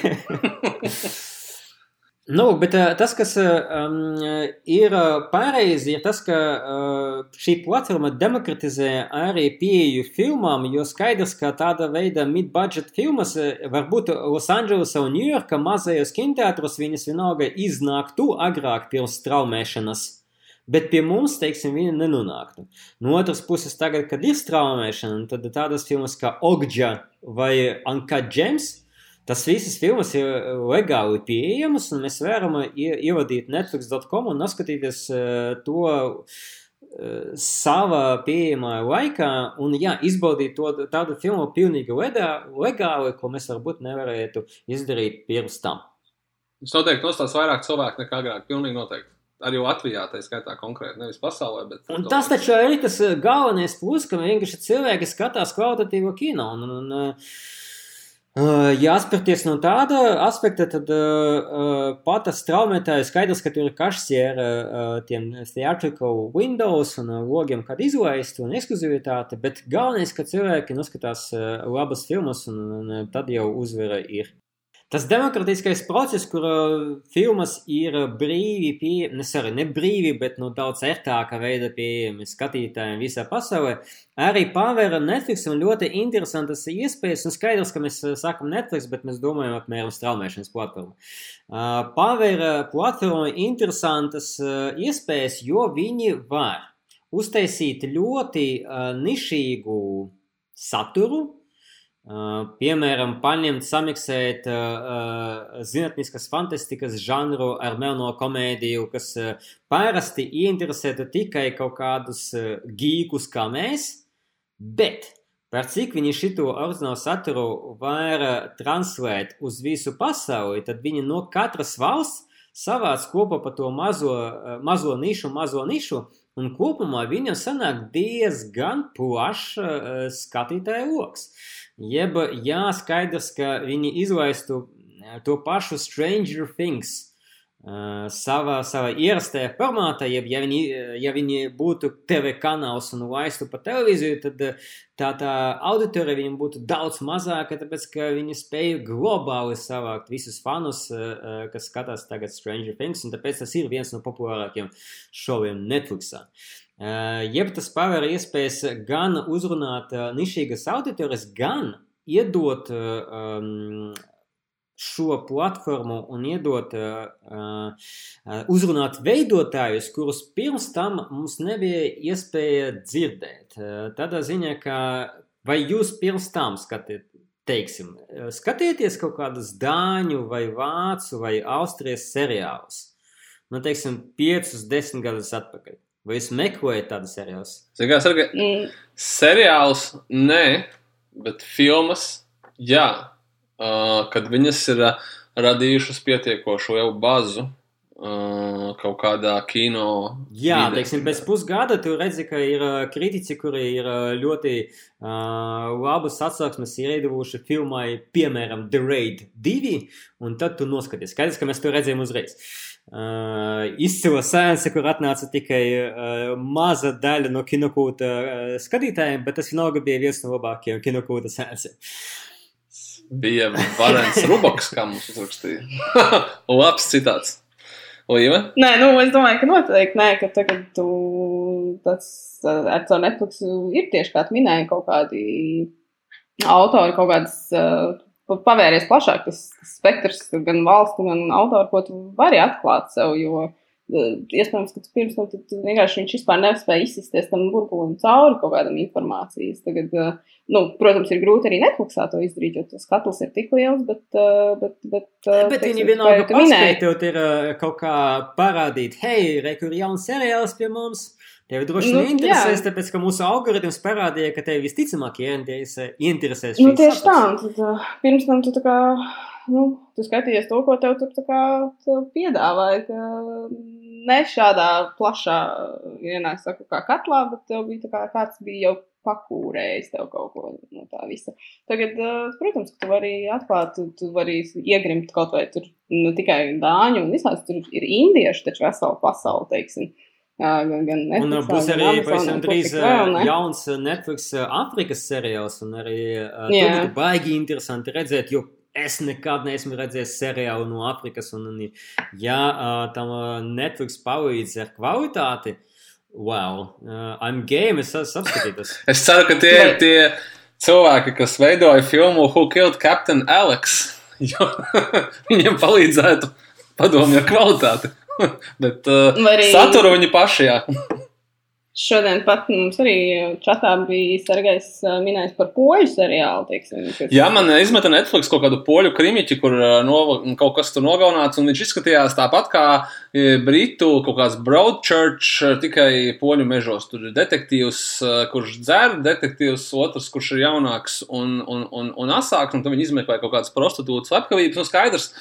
Es tikai gribēju teikt, ka, es saprotu, es, es dzirdu, kā Sergejs M to visu pasniedz kā tādi Netflix tie cilvēki, viņi tādi, nu, tā kā labvēļi, tā kā, oh, kā, mums, kā mums pasniegt kaut ko tādu, tā kā, nu, kā, kā dot iespēju tam Dānijas uh, seriālam, uh, viņu redz visa pasaule, man, man nav galīgi tāda sajūta, ka tas tāds viņa cēlā misija, kad, nu, uh, viņa, man liekas, tā misija apmēram tāda, kā mums stipri lētāku saturu ražošanā, kurā mums nav jāmaksā milzīgi honorāri, uh, uh, ielikt iekšā pie sevis un parādīt visiem, kas, uh, kas skatās. Un, kā mēs zinām, tad Netflix ļoti veiksmīgi manipulē ar tavu skatīšanās vēsturi un ar savu pirmo lapu. Nu, ka būtībā to, ko viņi tur ieliks, to tur arī skatīsies. Un, uh, lai kāds tā nebūtu. Tā tas visticamāk, es, es, es, es apmaināšu, ka tu neobligāti skatīsies, bet viņu algoritms palīdz uh, sameklēt tieši to uh, seriālu filmu, kas tevi interesēs.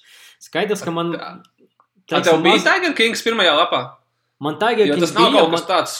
Tas nav kaut kas tāds, kas tevi interesētu, liekas. Nē, nē, skaidrs, ka, ja tas kaut kas major, bet es esmu redzējis arī true crime documentaries, tā kā ir iespējams arī tādēļ viņš bija. Ja es nebūtu redzējis nevienu, tad iespējams, pie manis nebūtu. Bet Varbūt. es zinu, ka pie manis nav teiksim, daudz realitātes šovus, kurus arī Netflix ražo kā, diezgan konsekventi. Um, pie manis savukārt uzpeldēja seriāls Unorthodox, par kuru es stāstīju pirms tam, pirms, mākslinieks, nāk, iepriekšējā uh, ieraksta vai, vai Jā. uh, divas nu, viņš tagad ir aizgājis arī jau bišķiņ virālāk, man liekas. Jā, arī, arī bet, Latvijas vidē. Bet viņš arī, kad viņš iznāca, nu, es vienkārši mēģinu iedomāties, es pirms tam laikam neujupodētu uh, seriālu par uh, unorthodox Jewish people, kas uh, lielākoties ir ibrītu valoda. Tāpēc, ka mm. uh, būtu pavisam daudz visu kaut kā, ko redzēt uh, tā vietā, bet par cik Netflix uzreiz piedāvā, hei, kurš se attālina, ja šis seriāls no svaigas balss, kuras tu neesi dzirdējis par pasauli un komunu, kuru tu maz pazīsti, vai not, es nokaukšu un noskatos. Uh, un, un Dark, redziet, tas nav gluži par to, ka cēlais mērķis viņam palīdz, bet tas nozīmē, ka ja viņi agrāk, sorry, ja nebūtu Netflix, ja mēs nogriežam Netflix un Dāņi Dānija domātu, hei, mēs izveidosim šito zinātnisko fantastikas seriālu lielu budžetu. Visticamāk, ka nē, tāpēc, ka pie mums ir diezgan maza auditorija atradīsies šim seriālam. Bet tagad, kad atnāk Netflix un pasaka, hei, bet es paņemšu jūsu dāņu seriālu un izplatīšu pa visu pasauli, un īstenībā visā pasaulē skatīsies jūsu seriālu vairāk nekā Dānijā, tad pēkšņi tāda iespēja pavērās. Ok, ok, droši vien, es, es, es, es ļaušu tev.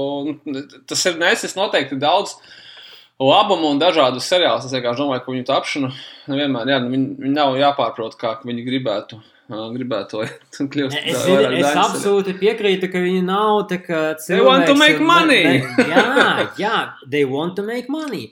Tā ir tā vienkārši lieta tāda, ka uh, viņi atrod veidu, kā uh, make money, kamēr mm -hmm. viņi atbalsta arī kaut kādas uh, pasaules komunas vai, vai nišas, kuras pirms tam mums nepiedāvāja šo. Jo arī. Nu, protams, grūti, grūti būtu, jā, grūti būtu Dānijai savu seriālu pārdot uh, katram atsevišķai valstī, katrai teritorijai uh, un, un izdarīt vienlaicīgi.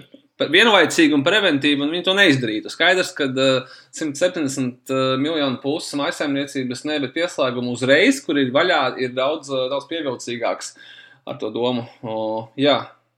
Un nu, ir... neaizmirsīsim jau jūs savi. arī to, ka, lai nu, ir šādi visi šie lieliskie piemēri, bet viņiem, protams, tur ir arī ārkārtīgi liels daudzums drāzes.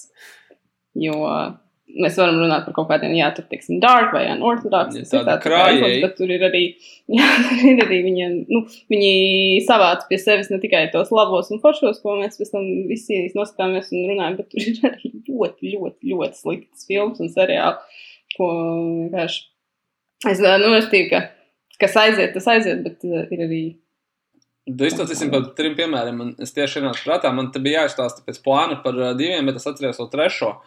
Uh, es sākšu ar uh, diviem labiem piemēriem, kur uh, atkal jāuzslavē. Uh, Šajā gadījumā tas nav Netflix tikai, bet tās ir straumēšanas platformas kopumā, kas uh, tiešām mērā attiecās arī uz mums un uz to, uz šo tematu, jā, kas ir uh, kino- versus uh, straumēšanas platformas, kur, un kas ļoti mūsdienīgas, mūsdienīgi piemēri, uh, kad uh, kino kļūst aizvien vairāk, viņš tiek ražots vairāk, cilvēki ir arī kaut kādā ziņā izvēlīgāki par kinoteātriem un tā tālāk. Un tas piemērs ir uh, brīnišķīgā scenārija autora režisora Ārona Sorkina filma Movies Game ar Jessica Chastain galvenajā lomā, kas uh, ir arī Ārona Sorkina filmetrāžas debija kino kā režisoram.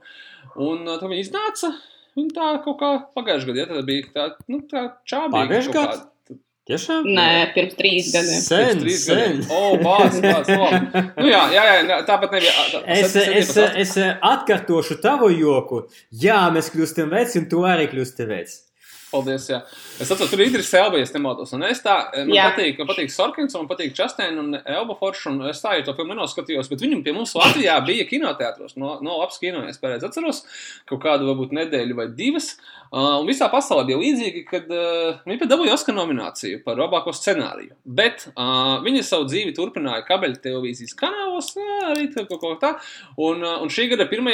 aprīlī viņi esat iejaukti ievietota Netflixā. Viņai sākās Netflix licence, un esot šīs filmas skatījumi vienkārši eksplodējuši. Nu, tā kā cilvēki beidzot ir sapratuši, kad, ā, ka nu, nevis sapratuši, bet uh, ir dabīgā kārtā noticis tas, ka izrādās, ka šī filma ir domāta baudīšanai.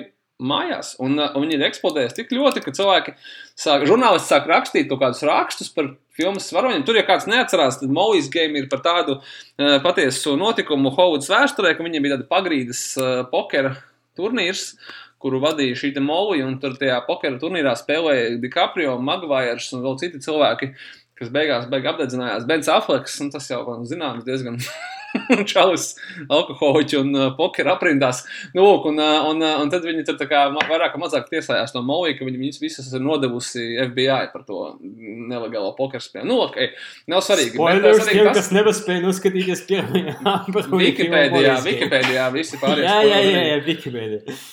Un, uh, un jā, tas ir pats arī interesants jautājums par to, ko mēs esam zinājuši jau iepriekš. Un, uh, tam nav jau īsti, kurš ir, kurš ir vainīgs. It kā jā, visas, uh, visas filmas ir jābauda uz liela ekrāna, un tāpat izrādās, ka konkrēti šī filma ir, uh, ir uh, iznākusi straumēšanā, un cilvēki viņu daudz labāk bauda mājās. Un tas ir skatītājs, skatītāja izvēle. Skatītājs ir veicis šo izvēli.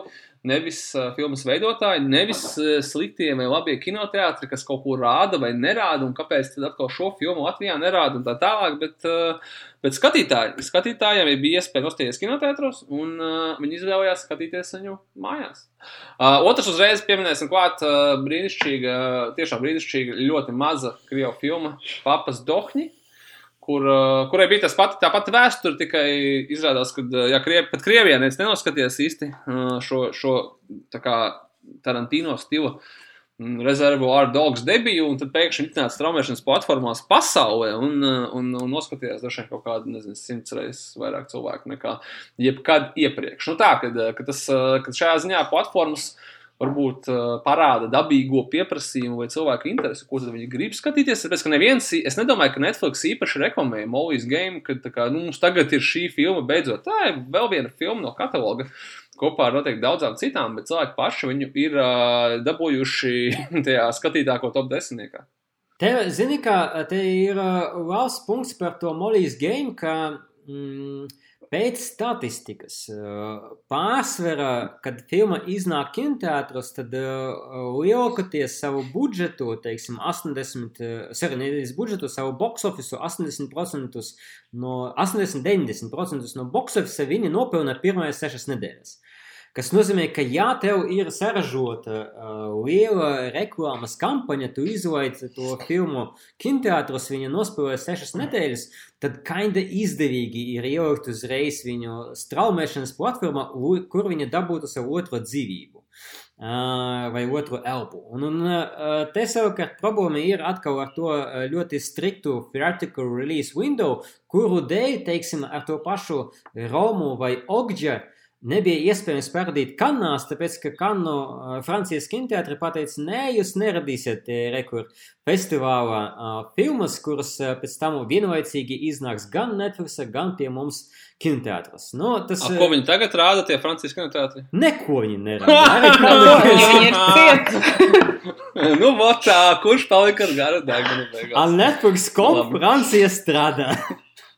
Es atceros, trešais piemērs bija. Uh, Bet tā, redziet, tā, tā vienkārši Jā. arī, jā, tā, pabeidzot šito konkrētu punktu, tas vienkārši ir problēma ar to, ka vai Roma vai Ogģa kļuva sliktāk? Nē, nekļuva sliktāk dēļ tā, ka viņi iznāk Netflixā un uh, kinoteātros. Tad kāpēc Kannu kinofestivālā, tā kas ir prestīžs, viņa nav iekļauta? Nu, rekur. Nu, tas ir tas, tas Spielberga moments, kur viņam liekas, Jā, ka tā ir jā. televīzijas filma, un viņš nesaprot, ko viņš runā. Ka, cipa, nu, kinotētājs nerāda, bet, bet veidotāji tie paši, jā, Bonžons Ho un, un šitais te uh, Meierovics stāstījis veidotājs. Nu, tā kā iepriekšējo filmu rādīsim, kā kanāls nākamo nerādīsim, jo viņi iznāk Netflix. Nu, uh, trešais stāsts ir no Latvijas, un, uh, un viņš parāda kaut kādā ziņā to, kā straumēšanas platformas ietekmē mūsu dzīvi, un uh, katrs, domāju, var kaut kādus no šīs stāsta secinājumus veikt pats. Es, es nezinu, vai tas ir labi vai slikti. Man liekas, ka viņš ir negatīvs. Tas stāsts. Uh, Viņš saistās ar uh, brīnišķīgo, bet šoreiz pēd, pēdiņās filmu Bright. Atcerieties, bija tāda. Ja Mhm. tur nekādu turpinājumu nevar uztaisīt, tad dažreiz nekad, nekad neuztaisīt. Uh, filma Bright bija viens no pirmajiem, ja neteiktu pavisam. Pirmais uh, šāda veida Netflix produkts, ko viņi finansēja paši un izlaida paši. Tā bija, viņa, manuprāt, tā bija viņa pirmā lielā filma, uh, liela budžeta ar Vilnu Smitu galvenajā lomā, ko viņi uztaisīja speciāli priekš šīs servisa. Un ko es pamanīju, kad apmēram trīs vai četras dienas pēc tam, kad viņa iznāca toreiz, uh, manā Facebook feedā ļoti, ļoti daudz cilvēki uh, par šo filmu izteicās negatīvi, uh, bet tas nav tas. Nu, man, man, man, man vienalga, vai viņi izsaka pozitīvi, negatīvi. Tas ir tā ir gaumas lieta. Bet kas man pārsteidza, ir tas, ka uh, to teica cilvēki, uh, kuri nekad, nekad mūžā, manuprāt, nebūtu pat apsvēruši ideju uz šo filmu doties uz kinoteātri. Un man tas likās ļoti savādi. Nu, tādā ziņā, ka, ja viņi būtu aiznākuši uz kinoteātri, un nosauks viņus par cilvēkiem, kas nav filmas Bright auditorija, bet kas ir drīzāk no Baumbacha auditorija, un ja viņi būtu atnākuši uz uh, kinoteātri un noskatījušies šīs filmas traileri, es pat nedomāju, ka viņš viņiem izraisītu kaut kādas dusmas, ja kā Anu es tu dusmojies par Transformeru traileri pirms savas filmas, nu, tu vienkārši ignorē viņu. Tu vienkārši ignorē, tas nav priekš tevis kino, un tu par to nedomā. Bet tā kā viņiem ir Netflix abonements, un viņi ieraudzīja Netflix pirmajā lapā šo filmu, viņi ņēma un iztērēja 90 minūtes no savas dzīves, un pēc tam uzrakstīja, kāds mēsls, pilnīgs sūds, kāpēc es viņu skatījos. Un pēc tam vēl izdarīja 9 minūtes, lai strīdētos ar tevi komentāros, vai ne? Kā jā. Ko pat Man trīs stundas? Man bija, man, es cīnījos, bet es, protams, zaudēju pret šo masu, bet uh, tāds, tāds, tas ir tā, kā, kā ietekmē straumēšanas platformas mūsu dzīves. Es domāju, ka nevajag, nevajag skatīties, ja tev, ja tev neinteresē. Nu, tā kā, tā kā Man tas liekas- kas noskatījās visu Netflix, jo tāpēc, ka viņš samaksājas abonementu viņš jā, ir jāredz. Ir, ir jau joks, ka kamēr tu noskrāvēji līdz uh, galam Netflix visu, visu saturu, iznāk jaunais seriāls. Um, bet uh, uh, apkopojot to visu, man ir sajūta, ka mēs šobrīd esam tādā fleksiblā vai, vai um, pa vidu evolūcijai no viena punkta uz otru punktu, un tāpēc visi noteikumi drusku ir mainīti, vai ar noteikumiem notiek eksperimenti, ar veidošanu notiek eksperimenti, meklējot savas auditorijas, un konkrēti Netflix jā, viņš saražo ļoti daudz satura, tāpēc, ka viņš uh, spēj uzrunāt uh, nišas visā pasaulē un apvienot to gana lielu auditoriju. Bet tas nozīmē, ka viņš arī var, teiksim, apskatīties, ok, es saražoju um, Bright, un es saražoju Six Underground, un es saražoju Triple Frontier, un uh, tad secinājums tas, man nepadodas action filmas. Uh, varbūt. Six Underground ir dimants. Genius. Savā žanrā. Savā žanrā, jā. Uh, nu, lūk, un, un ka, ka uh, šobrīd mēs vienkārši ļoti fascinējuši, kā kino mīļi vērojam, kā vot šitie milzīgie giganti cīnas par skatītāju, un uh, drusku apstragējoties redzam, ka, again, Vai nav feini, ka mums vienkārši tagad ir lielāka izvēle gan, gan filmām, gan midbudžeta filmām, gan arī uh, filmām no ārzemēm un no valstīm, no kurām mēs agrāk varbūt daudz grūtāk varējām dabūt tās filmas. Tas ir laikam tas bonus no, no visas šīs cīņas, kas, kas izriet. Bet kas nav bonus, tas, ka mēs stundu runājam, un uh, nav jau šim blokam nekāds kopsavilkums vai kaut kāds rezultāts. Uh, tas ir normāli. Es domāju, ka tas, mēs pie šī punkta vēl atgriežis, atgriezīsimies, tāpēc, ka šī nav, uh, šis nav pēdējais development. Un it īpaši konkrēti runājot par karantīnu un koronavīrusu un kā tas ietekmēs uh, kino izrādīšanas logus un, kinoteātrus vai, vai kinoteātri, kuri šobrīd ir slēgti, visi atgriezīsies pie darbības, vai arī daži tīkli varbūt neizturēs šito un bankrotēs. Tas viss ir gaisā, un, skaidrs, ka šis topiks ir gana plašs, lai mēs pie, pie tā atgrieztos jau ar konkrētiem rezultātiem, varbūt vēlāk, un arī pārdomu, kas izkristalizēsies turpmākajā laikā. Bet, zināmā kā, noslēdzot jau noslēgumā, uh, es iemetīšu vienu tādu kā, kar, karsto ogli, ne, bet uh, kaut kā iedomājies to, me, saprat manu metaforu. Uh, mēs pagājušajā raidījumā runājām par uh, foršākajām kino pieredzēm, un arī, arī no klausītājiem bija īstenībā tik baigi baig daudz, kaut kādu foršu momentu, gan uh, kinokultūras seansos, uh, gan ne, kaut ko, un kad mēs esam skatījušies, un kā tas tev tieši emocionāli ir, ir aizķēris, un arī ļoti daudzas ir, un uh, Bet uh, kādas manas uh, spilgtākās uh, straumēšanas pieredzes? Uh, tu domā, ka tu skaties Pornhubā vai ka tu skaties Netflixam? Man liekas, ka Pornhubā gana daudz. Pornhubā atstāsim citam, citam, citam podkāstam, bet jā, bet tieši par straumēšanas servisiem, vai man ir kaut kāds, vai man ir kaut kāds, jā, tāds spilgts, spilgts emocionāls pārdzīvojums, kā es esmu straumējis filmu mājās, un, un to atceros, un es saprotu, ka nu, nav. Nu, nav jautājums, vai viņš vispār var būt. Uh, varbūt tikai uh, ļoti nosacīta mums bija uh, Anka Džems Watch Party. Nu, ar tiem pašiem cilvēkiem, ko mēs skatītos viņu kinoteātrī, un viņš mm. bija pēc sajūtām ļoti līdzīgs. Bet, bet, tas, ir... bet, tas, bet tas nav tas, tas nav tas pats. Redziet, tas, tas arī tas drusku tas arī punkts par fleksibilitāti, jo ir filmas, kas iznāk Netflixā, un, un mēs runājam konkrēti par oriģinālu filmu, tādām kā Marriage Story, un Irishman, un Anka Gems, un ir tās filmas, eh, kuras mēs kā fani, hei, mēs gribētu noskatīties kinoteātrī, un, un mēs labprāt arī pat nopirktu tiesības, vai, vai parādītu kinokūta sēnesa, vienīgais sēnesa, varbūt tur uh, to pašu uh, Irishman. Uh, Bet mums nav tādas iespējas, tāpēc ka līdz Netflixam vispār nav iespējams aizklauvēt vai aizrakstīt vai nopirkt tās tiesības. Un, un, un tad kainda nolaižas rokas, ka. Bet uh, filma tā pati. Vai ne? Filma tā pati, vai ne? Mēs būtu, mēs būtu radījuši tikai apstākļus, bet mēs nebūtu, uh, nu, jā, apstākļi tiktu radīti mākslīgi, bet filma jau tā pati. Tāpēc es, es, es pieminēšu arī uh, tādu stāstu, uh, kas noticis ar mani šogad, un arī Līvais piekrita, ka neticams, ka tas joprojām bija tikai janvārī. Uh, es biju Kambodžā.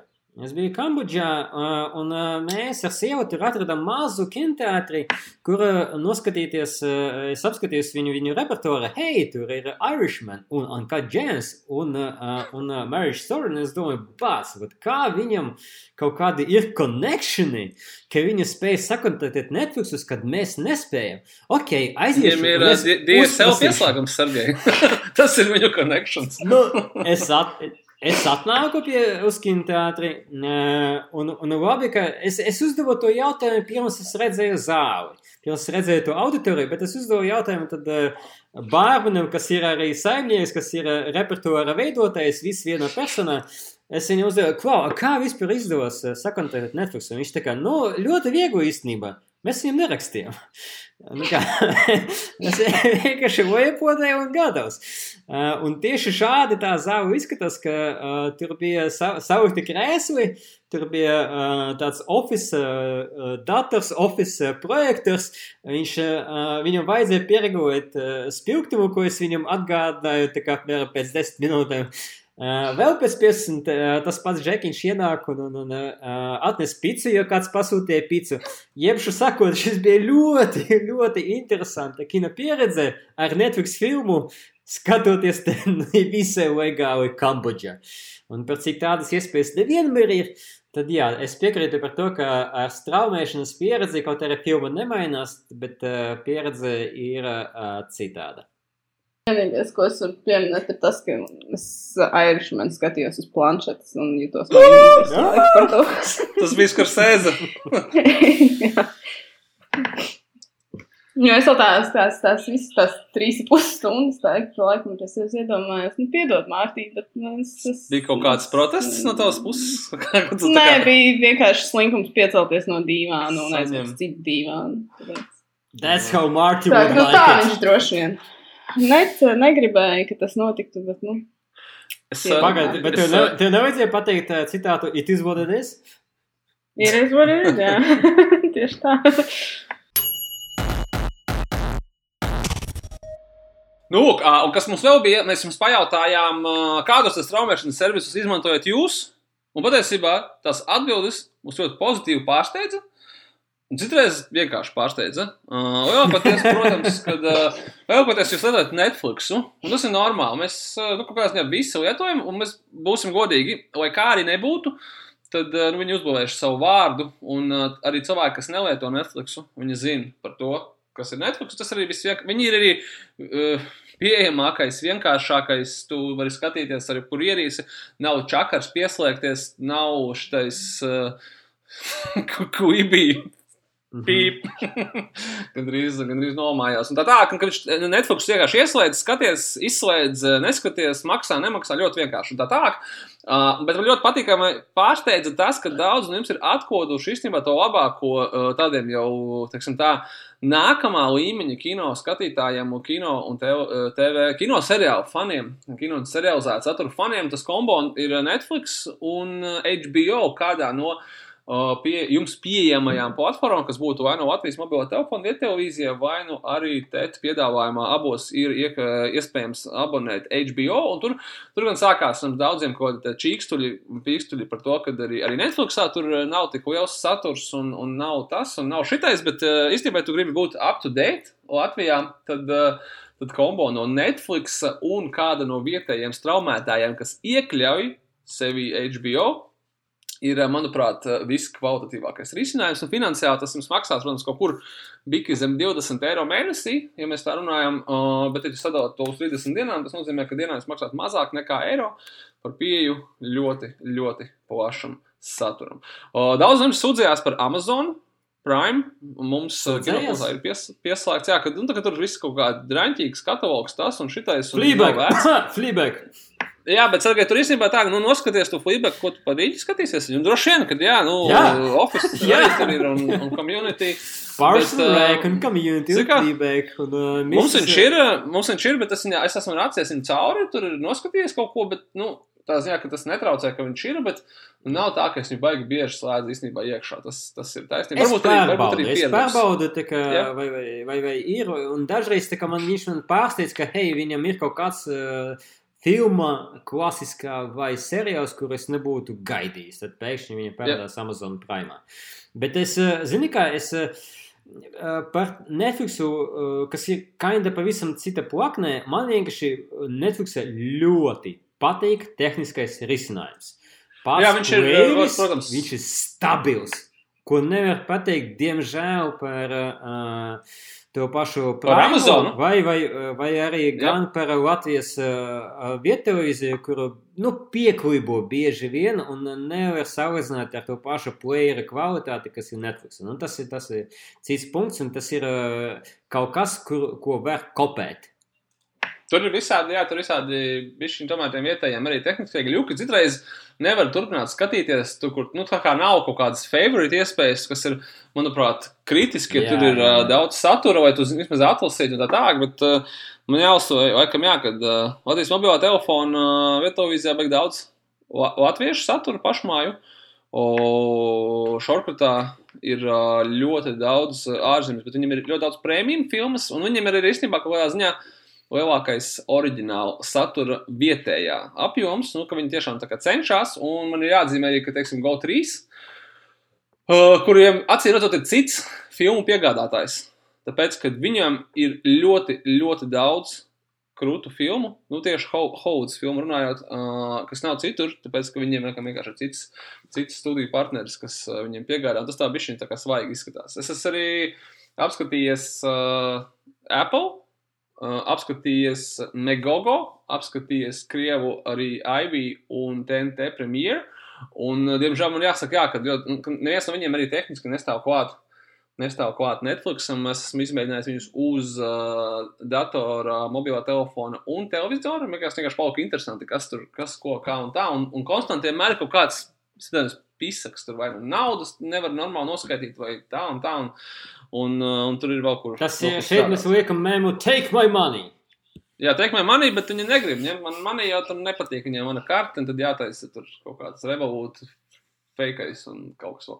Nu tā, kad, tā kā par to Netflix, jā, ir, ir it kā mēs sekuņi tur beigti cilvēkam, un viņš mums par to neko pat nedod, bet uh, visu cieņu viņi, vismaz tehniski viņi ir, nu viņi super, super easy un tur tā. Un noteikti pamanījāt, ka viņš joprojām ar visu, visu šo pasākumu viņus ļoti viegli straumējās, un uh, viss labi rādās, un ko nevienmēr var pateikt par citiem. Kaut gan komentāros bija viens uh, lasītājs, kurš minēja, ka viņš ir nokancelējis tagad Net- Netflix. Tas bija tas, kurš noskatījās visu. Un uh, no mīnus skaidrs, ka, nu, pag- pagaidīs mēnesis, tad kaut kur uzklāsies kaut kas. Un... jā, jā, uh, tur ir komentāros viens tāds, ko es izteikam nesaprotu. Nu, nu tāds komentārs man godīgi jāatzīst, bet varbūt, jūs varat mums komentāros arī izstāstīt, kas ir tās kataloga filmas uh, starp valstīm, kuras tik ļoti jums pietrūkst. Uh, Tāpēc, ka varbūt tas ir tikai es, un varbūt es maldos, vai es tikai neesmu maldos, es, ne, es nekļūdos noteikti, tikai nejūtu jūs. Uh, kad, kāpēc jums vispār ir vajadzīgs kaut kāds uh, tur filmu katalogs Netflixā, kurā jūs vienalga skatāties Netflixa oriģinālu saturu, respektīvi, ja viņam pazudīs, un viņam visticamākais, agrāk vai vēlāk pazudīs kataloga filmas no citām studijām, nu, kāpēc viņas vispār jums ir kā vajadzīgas? Vai, vai teiksim, nu, ka, kur ir tā sāpe? Ak, Dievs, Amerikā ir vairāk filmu katalogā nekā šeit, bet joprojām es atveru vaļā un es skatos top 10 skatītākais Latvijā, un tur vismaz 8 vai 9 nosaukumi būs Netflix oriģināls saturs. Tas nozīmē, ka kvantitīvi jūs, dārgie draugi, skatāties Netflix. Nu, kā, nu, sākot tur ar, jā, tīģeru karavu, beidzot ar viņa arišmenu un visu pārējo, bet tas ir tie Ne- Netflix saturs, kas ir visā pasaulē vienāds. Līdz ar ko mm, skaidrs, ka licences tomēr bišķiņi atšķirās pa valstīm, bet, jā, bet man vienmēr šajā, šajā gadījumā es gribu zināt konkrēti, kas ir tajā, piemēram, Britu Netflixā no filmām, kas tik ļoti pietrūkst šeit, un tu nevari viņas dabūt nekur citur. Nu, tā es, es laikam par šo esmu. Jā. Uh, bet uh, jūs varat iekomentēt uh, gan sociālos tīklos, uh, pie uh, Facebook, Instagram posta podkāstu, uh, vai arī sūtot uz uh, hello at kinokults.lv. Mēs gaidām no jums vēstules, mēs gaidām no jums jautājumus.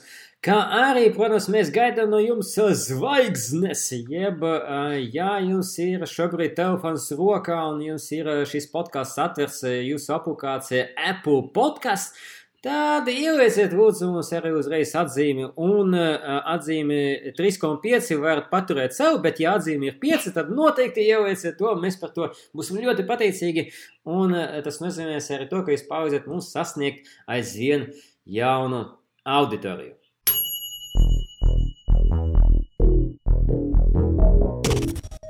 Un tagad ķersimies klāt pie tā, ko tad mēs esam tajās straumēšanas platformās nostraumējuši, jeb Līva, ko tu straumēji pēdējās nedēļas laikā?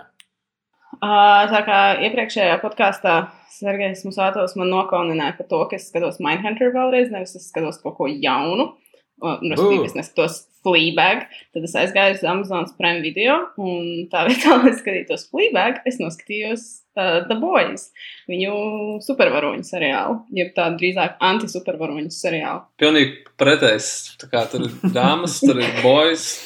Nu, jā. jā, nu, man tas sanāca. Un, uh, Tas bija viens no tiem tādiem savādiem gadījumiem, kad tu skaties, tev diezgan normāli riebjas tas, ko tu skaties, bet tu nevari neskatīties. Uh, Restīvi, nu, stāsts īsumā par, tātad, par uh, supervaroņu komandu. Mm, šis, šis seriāls arī ir balstīts, protams, uz komiks.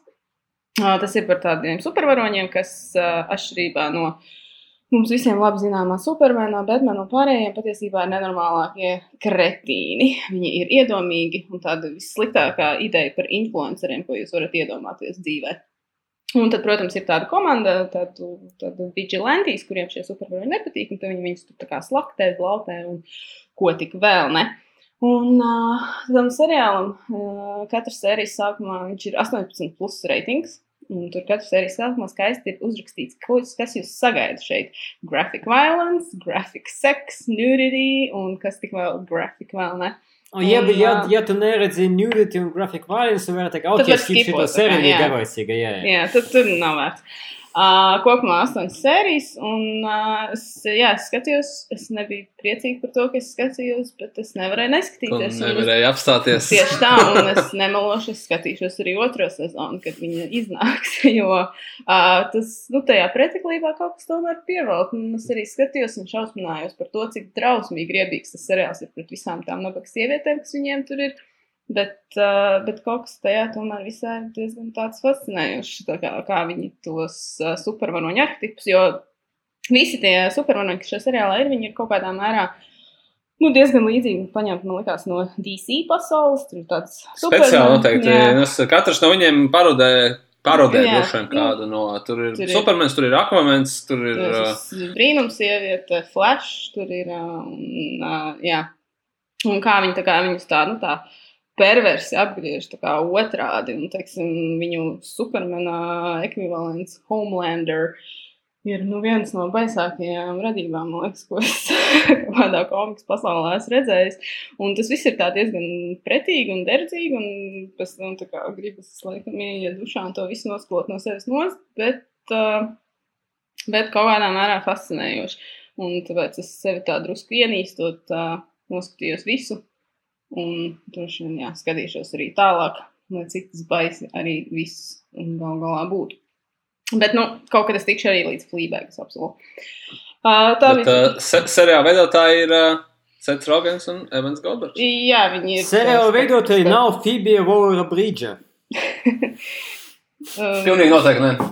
Pilnīgi noteikti. Nē, bet, uh, bet jā, Goldbergs un, un, un Rogans ir starp, starp šiem producentiem. Uh, Un jā, otrā sezona jau mums ir apsolīta. Viņam tur atkal šķīdīs asinis, un ne tikai, un kas, kas tik vēl ne. Un, bet, nu, tāds interesants veidojums. Tādiem vājākiem nerviem droši vien nevajag skatīties.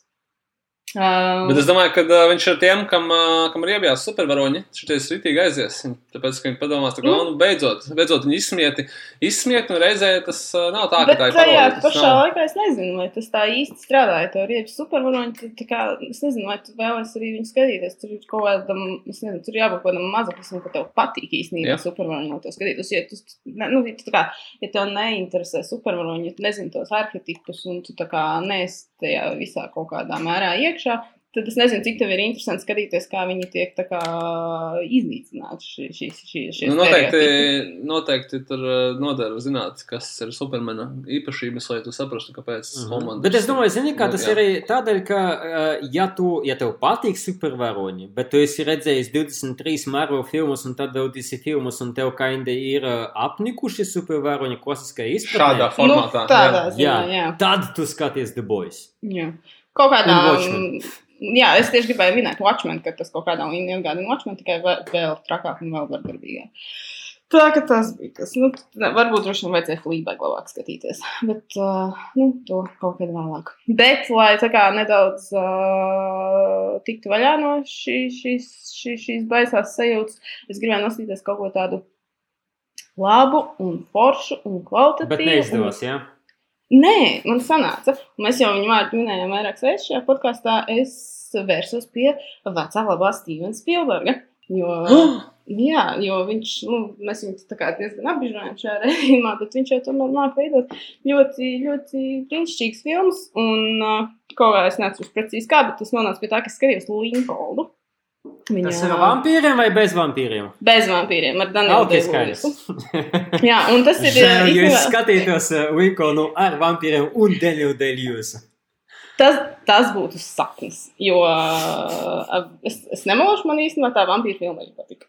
Viņa bija diezgan. Actually, es arī padomāju, Daniel Dēļus būtu izcils vampīrs. Nu, Bez grīma. Iekastot viņu kā vampīru. Bet viņš, viņš tā kā, nu, es nezinu, jā, viņi būs grūti, viņš pateica, ka vairs nefilmēsies. Bet, uh, mm. nu, kaut kas ir jādara. Bet, jā, es noskatījos Linkolnu, es to filmu biju redzējusi jau tad, kad viņa oriģināli uznāca uh, 2000, es tagad negribu samaloties, 12. gadā. Un te, tajā brīdī es nedomāju, ka tā būs filma, ko es skatīšos vēl un vēl, bet es īstenībā redzēju tikai kāds 3-4 reizes. Un, jo viņa ir vienkārši, jā, es esmu pati par sevi pārsteigta, ka es viņu tik daudz skatos. Jo viņa kaut kas tajā filmā ir tāds ļoti pievilcīgs. Tur viss filma būtībā sastāv tikai no runāšanas. No Daniela Delus, kurš ļoti daudz runā, viņš runā ar ļoti daudziem cilvēkiem. Tur ir ļoti, ļoti, ļoti daudz blakus stāvu. Tur ir uh, interesanti vienmēr skatīties, es mūžu dienā aizmirstu, cik daudz dažādu personu tur ir uh, aktieru. Dažādās patiešām minimālās lomas. Tur ir Džārijas Harris, tur ir, uh, no, tur ir Džordžs Gordons Levits, jā. Mm -hmm. Tur ir uh, veselām čupām visādas pazīstamas sejas. Uh, arī Ādams Drivers, ap citu, pavisam mazā lomiņā ir, ko es biju totāli aizmirsis. Nu, un tas kaut kā tad tu sāc viņu skatīties, un tev ievelk visā tajā politiskajā retorikā. Turbūt līdz galam nesaprot visas tās lietas, ko viņi tur dara, bet, bet nu, kaut kas tie Spielbergā ir. Nu, tas tā, jāatzīst. gribot, negribot, ka viņš kaut kā tomēr māk to visu uztaisīt tā, tā, tā feina un forši. Un, jā, jūs droši vien, ja šī filma nav vispār mēģināta vai kaut kad sen nav skatīta, tā, tā, tā, tā tiešām forša klasika. Un, Nu, es vienmēr esmu gribējis viņu redzēt. Jūs viņu nesat vispār? Es neesmu redzējis. Un katru reizi, kad es viņu sāku skatīties, tad es tiekos tam momentam ar vampīriem. Saprotu, ka tā nav īstā filma, bet nu, ko es tagad slēgšu ārā? nu, var uztaisīt savu tādu double bill vienkārši vienu. Un to otru, tā kā, nu, blīn, tā kā, un tad pēc gada atkal. Atkal bez nu, vampīriem. tā, ka tu nevari skatīties pēc kādas divas Linkolnas, bet. Bet, jā. Jā. Nē, nu, tad, es saku, tas ir kaut kāds tāds, tāds, tāds pašai pārsteigums par to, ka es to filmu tiešām tik daudz skatos. Jo nu, tā nav tāda, ko tu tā kā, oh, es paskatīšos Linkolnu, bet izrādās, ka tā arī ir tāda. Jā. Nu, vismaz man. Varbūt tas okay, ir populārs viedoklis. Nu, un trešā lieta, ko es skatījos, un te mums abiem ar Sergeju Maņinu nāksies atzīties kaunīgi, ka mēs nedomājam, ka mēs to skatīsimies, bet mēs to abi esam šodien skatījušies, ir lielie muļķi, mūsu pašmāju seriāls, ko es īstenībā nebiju plānojis skatīties, bet uh, dzīve sakrit tā, kā tā sakrit, un es viņu sāku skatīties, un es biju diezgan patīkami pārsteigta, ka es tiešām smējos, un es gribu viņu skatīties tālāk. Es noskatījusies trīs sērijas. Man interesē, kas tajos lielajos muļķos darīsies tālāk. Jo stāsts ir. Vai mums parādīs mazos muļķus beidzot? Jā, jo intriga šobrīd ir par to, ka mazie muļķi tiek daudz uh, pieminēti, neimdropoti, bet uh, cik mazi viņi ir, mēs tā arī neesam ieraudzījuši. Uh, nu, ja jūs nezināt, kas ir, tas ir mūsu pašmājas seriāls, skatāms uh, šortkatā Helio Tas ir viņa ekskluzīvais seriāls, jā. jā. Viņu, viņu ekskluzīvi straumēšanas seriāls, kurš nav redzams nekur citur kā tikai, tikai TET. Uh, un, uh, ko jūs šito seriālu saudzinātu? Ja būtu, ja būtu uh, jāzos ekvivalents tāds, ka viņš ir mockumentary stils seriāls. Tas ir tā tāds realitātes šovs par jaunieti, kurš atgriežas pēc uh, darba Anglijā mājās uh, uz dzīvi lielajos muļķos. Un tad tur ir kaut kādi tādi tā kā ofisa elementi ar tām intervijām, kur kā, darbojušās personas pēc tam komentē, kas tur noticis. Uh, Un, uh, nu jā, viss šādi tādi tipi kaut kas nu, kā Parks and Rec, tikai ar tādu, nu, ne tik varbūt wholesome humoru teiksim tā, ar vairāk tādu mūsu lauku izsmiešanas humoru. Es pat, es pat teiktu, ka humors uh, tur ir tā, ka, uh, ka tur tas humors viņš, viņš nav tik smieklīgs. Un, un tie personāļi nav tik smieklīgi, kā viņiem pašiem gribētos, lai viņi būtu. Uh, bet uh, tas, tā mockumentary daļa, uh, vienkārši īstenībā viss cieņa, bet viņi ir. Uh, Viņi ir nokopēti no tā, kas ir, kas ir ārzemēs, tā mockumentary pieeja, uh, dažreiz vienkārši akli. Uh, kopējot, eh, kas strādā, bet nav skaidrs, kāpēc tieši šis strādā, kāpēc, kāpēc ik pa brīdim jāvērk, kāpēc jāsēž un jārunā kamerā, un, un kur to vajag izmantot, un kur nevajag. bet īstenībā par to ir mazāk pretenzija nekā par saturu, bet par saturu ir tā, ka eh, viņš nav tik smieklīgs, lai tas būtu vienkārši kaut kāds gāzējs, lai tas būtu kaut kāds latviešu borats vai AVG šovs, bet uh, tie varoņi ir pietiekoši nekaitīgi, ka tu viņiem pierodi diezgan ātri. Viņi ir tādi, nu, es domāju, ka vienkārši tāds, ja, kad, kad, kad tas ir viduvējs, nu, viduvējs seriāls, bet viņš ar pulsu zīmi ir. Nu, un ir forši, ka viņš tāds tiešām ir, ka, nu, ka mācās un, un tālāk tikai uz augšu. Nav, ir ļoti daudz, kas redzēts, kur kaut ko taisa latviešu kaut kas, un, tas ir pilnīgs dizasters. Nu, skaidrs, ka šis nav. Man vienkārši jāatzīst, ka viņš nav, un viņš ir viņas, viņas simpātiski kaut kādā ziņā, tie varoņi. Un, un, jā, un tie joki arī, tā, tā humora problēma ir tāda, ka tie joki ir, viņi šāju uz visām pusēm. Tā kā, nu, laikam jau, kad uh, seriāla varoņu stilā ejāš pret sienu, čurā un viss, tad trāpa kaut kas, trāpa kaut kas netrāpa. Reāli vairāk kā puse netrāpa, bet tā, kas trāpa, tas. Tā, seriāls beidzas pārunāt ar tevi kā ar to čurāšanu, ja nevajag čurāt uz sienām. Vajag čurāt podā. Un uz sniega arī nevajag. Nē, redzēt, sniega vēr, sniega vēr. Vienmēr gribēju pateikt. Nē, bet nu, tajos pašos ārzemju ekvivalentos jau arī tie joki ne visi strādā tādā pašā kodā. Protams. Popstar. Tur arī tur katrs jā. uh, trešais joks nenostrādā. Varbūt, ka tas ir labs salīdzinājums, ja tas būtu, jā, popstar kaut kas tāds, uh, vienkārši mums nav ar ko salīdzināt. Un, uh, un automātiski tas, kas ir. Uh, viņš ir mūsējis. Nu, es, arī, es arī nezināju, ka es tā teikšu par to seriālu, bet uh, it's not, it's not that bad. Es, jo, es, es biju ļoti skeptiski. Jā, tieši tā, es tā kā, es, nu, kā slēdzu viņu iekšā tā tiešām skepsijas, es viņu vispār nebiju īsti plānojis skatīties, bet, uh, bet, kad tu skaties, tāds tiešām tāds patīkams pārsteigums. Tas vienmēr ir forši, ka tu gaidi, ka būs kaut kas slikts, un tā nav. no pieņems. Nekā otrādi. Nu, mēs. Es skatītos uz, es skatītos, jā, es pārliecinās, protams. Skatos uz to, kad, eh, kad, nu, kad, eh, kad mēģina jaunus formātus un ļoti labi, ka mēģina īstenībā. Ok, ok, fair enough. Eh, bet, bet, bet, jā, bet tas ir vairāk tā, ka mēs esam patīkami pārsteigti, jo neko negaidīja, vai gaidīja, ka būs kaut kas slikti. Nevis tā, ka uh, mēs gaidījām kaut ko labu, un tas bija beigas super. Nu, jā, bet, uh, bet uh, man nav problēmas arī atzīt, jā, ka citreiz tā kā, hey, oh, it's actually pretty cool. Mm -hmm. yeah. Labi, Sevi, okay, ko, ko, ko tu vēl esi, ko tu vēl esi redzējis? Es patiesībā pa divām nedēļām, jā, kad uh, mums nebija podkāsts, diezgan baigi daudz ko noskatījos. Es pat dažiem nevienēšu visu, ko es noskatījos. Man liekas, ka ā, es pārstāju spēlēt video spēles, un izrādās, ka baigi daudz brīvā laika, un tad var noskatīties nevis trīs filmas, bet 15. Kas arī ir diezgan normāli. Uh, un es vienkārši gribēju izstāstīt, uh, ka, cik mēs jau šodien atbildējām uz klausītāju jautājumu, cik mēs tur tās filmas skatāmies, un tā tālāk. Es gribēju izstāstīt, kā darbojās, piemēram, konkrēti manas smadzenes, kas ir tie triggeri, kāpēc tu kaut ko skaties un kaut ko ne. Un es zinu, teiksim, ka Līvai uh, ir saraksti, ko viņi citīgi pilda, kas ir jānoskatās. Un, un man ir tāds, kā tā kaķēna gifā, kur viņš skatās uz visām pusēm un lec uz visām pusēm vienlaikus.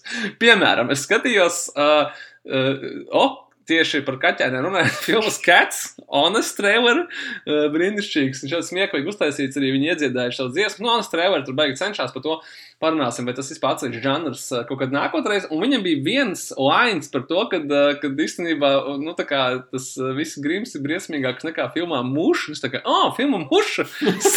sen, jau gribēju, sen jau gribēju noskatīties. Un reāli pēc pusstundas jau skatījos. Viņa gan bija man šeit vienā no straumēšanas servisiem. Man šeit, ka tie Amazonā vai kaut kur viņa arī bija. Es tā kā, o, oh, krūta, 90 minūtes, jā, Muša, Muša, krūta Kronenberga filma, ja parādīgi kāds nav redzējis, noskatieties. Nu, tāds Bija 80. gada artefakts un tā, bet, eh, bet, bet ļoti forši, ļoti, ļoti tīra. Nepārsātināta ar lietām. Filma mūsdienās nu, tā bija svaigi. Skatās, ka nav, nav pārmudrīts, nav tur viss, tur viss diezgan simpls. Nu, Tad uh, izrādās, ka desmit gadi ag- pagājuši kopš uh, filmas Kikēs pirmizrādes, un uh, Holda reporterā bija diezgan garš raksts, kur viņi visi atcerējās, kā viņi to filmu filmēja, tur bija grūti, bija tur prasīja Bredam Pitam naudu, vai varbūt iedot, un es tā kā, oh, Kikēs arī, vai kā vajadzētu noskatīties, un es tā, oh, nu, kāpēc gan ne, un tad es noskatījos uh, Kikēs, šo, gan šo un viss nākamās ar ar režisoru komentāru. Un tad es atcerējos, ka es jums stāstīju, ka es skatījos Robina Hudu. uh, Paga, uh, ā, Scottu. es tev, es nesen čatā ā, metu bildi ar ā, režisora Denisa Dugana filmogrāfiju, kur pārsvarā ir ā, Tas nebija 80% triggers, Sergei. Sendori, tas nebija triggers, jā, tev kā. Neko, nekādas emocijas Jill. neizraisīja. Nekādas Es tikai emocijas. ieraudzīju to bildi, un pēkšņi Zokans man ir očuste.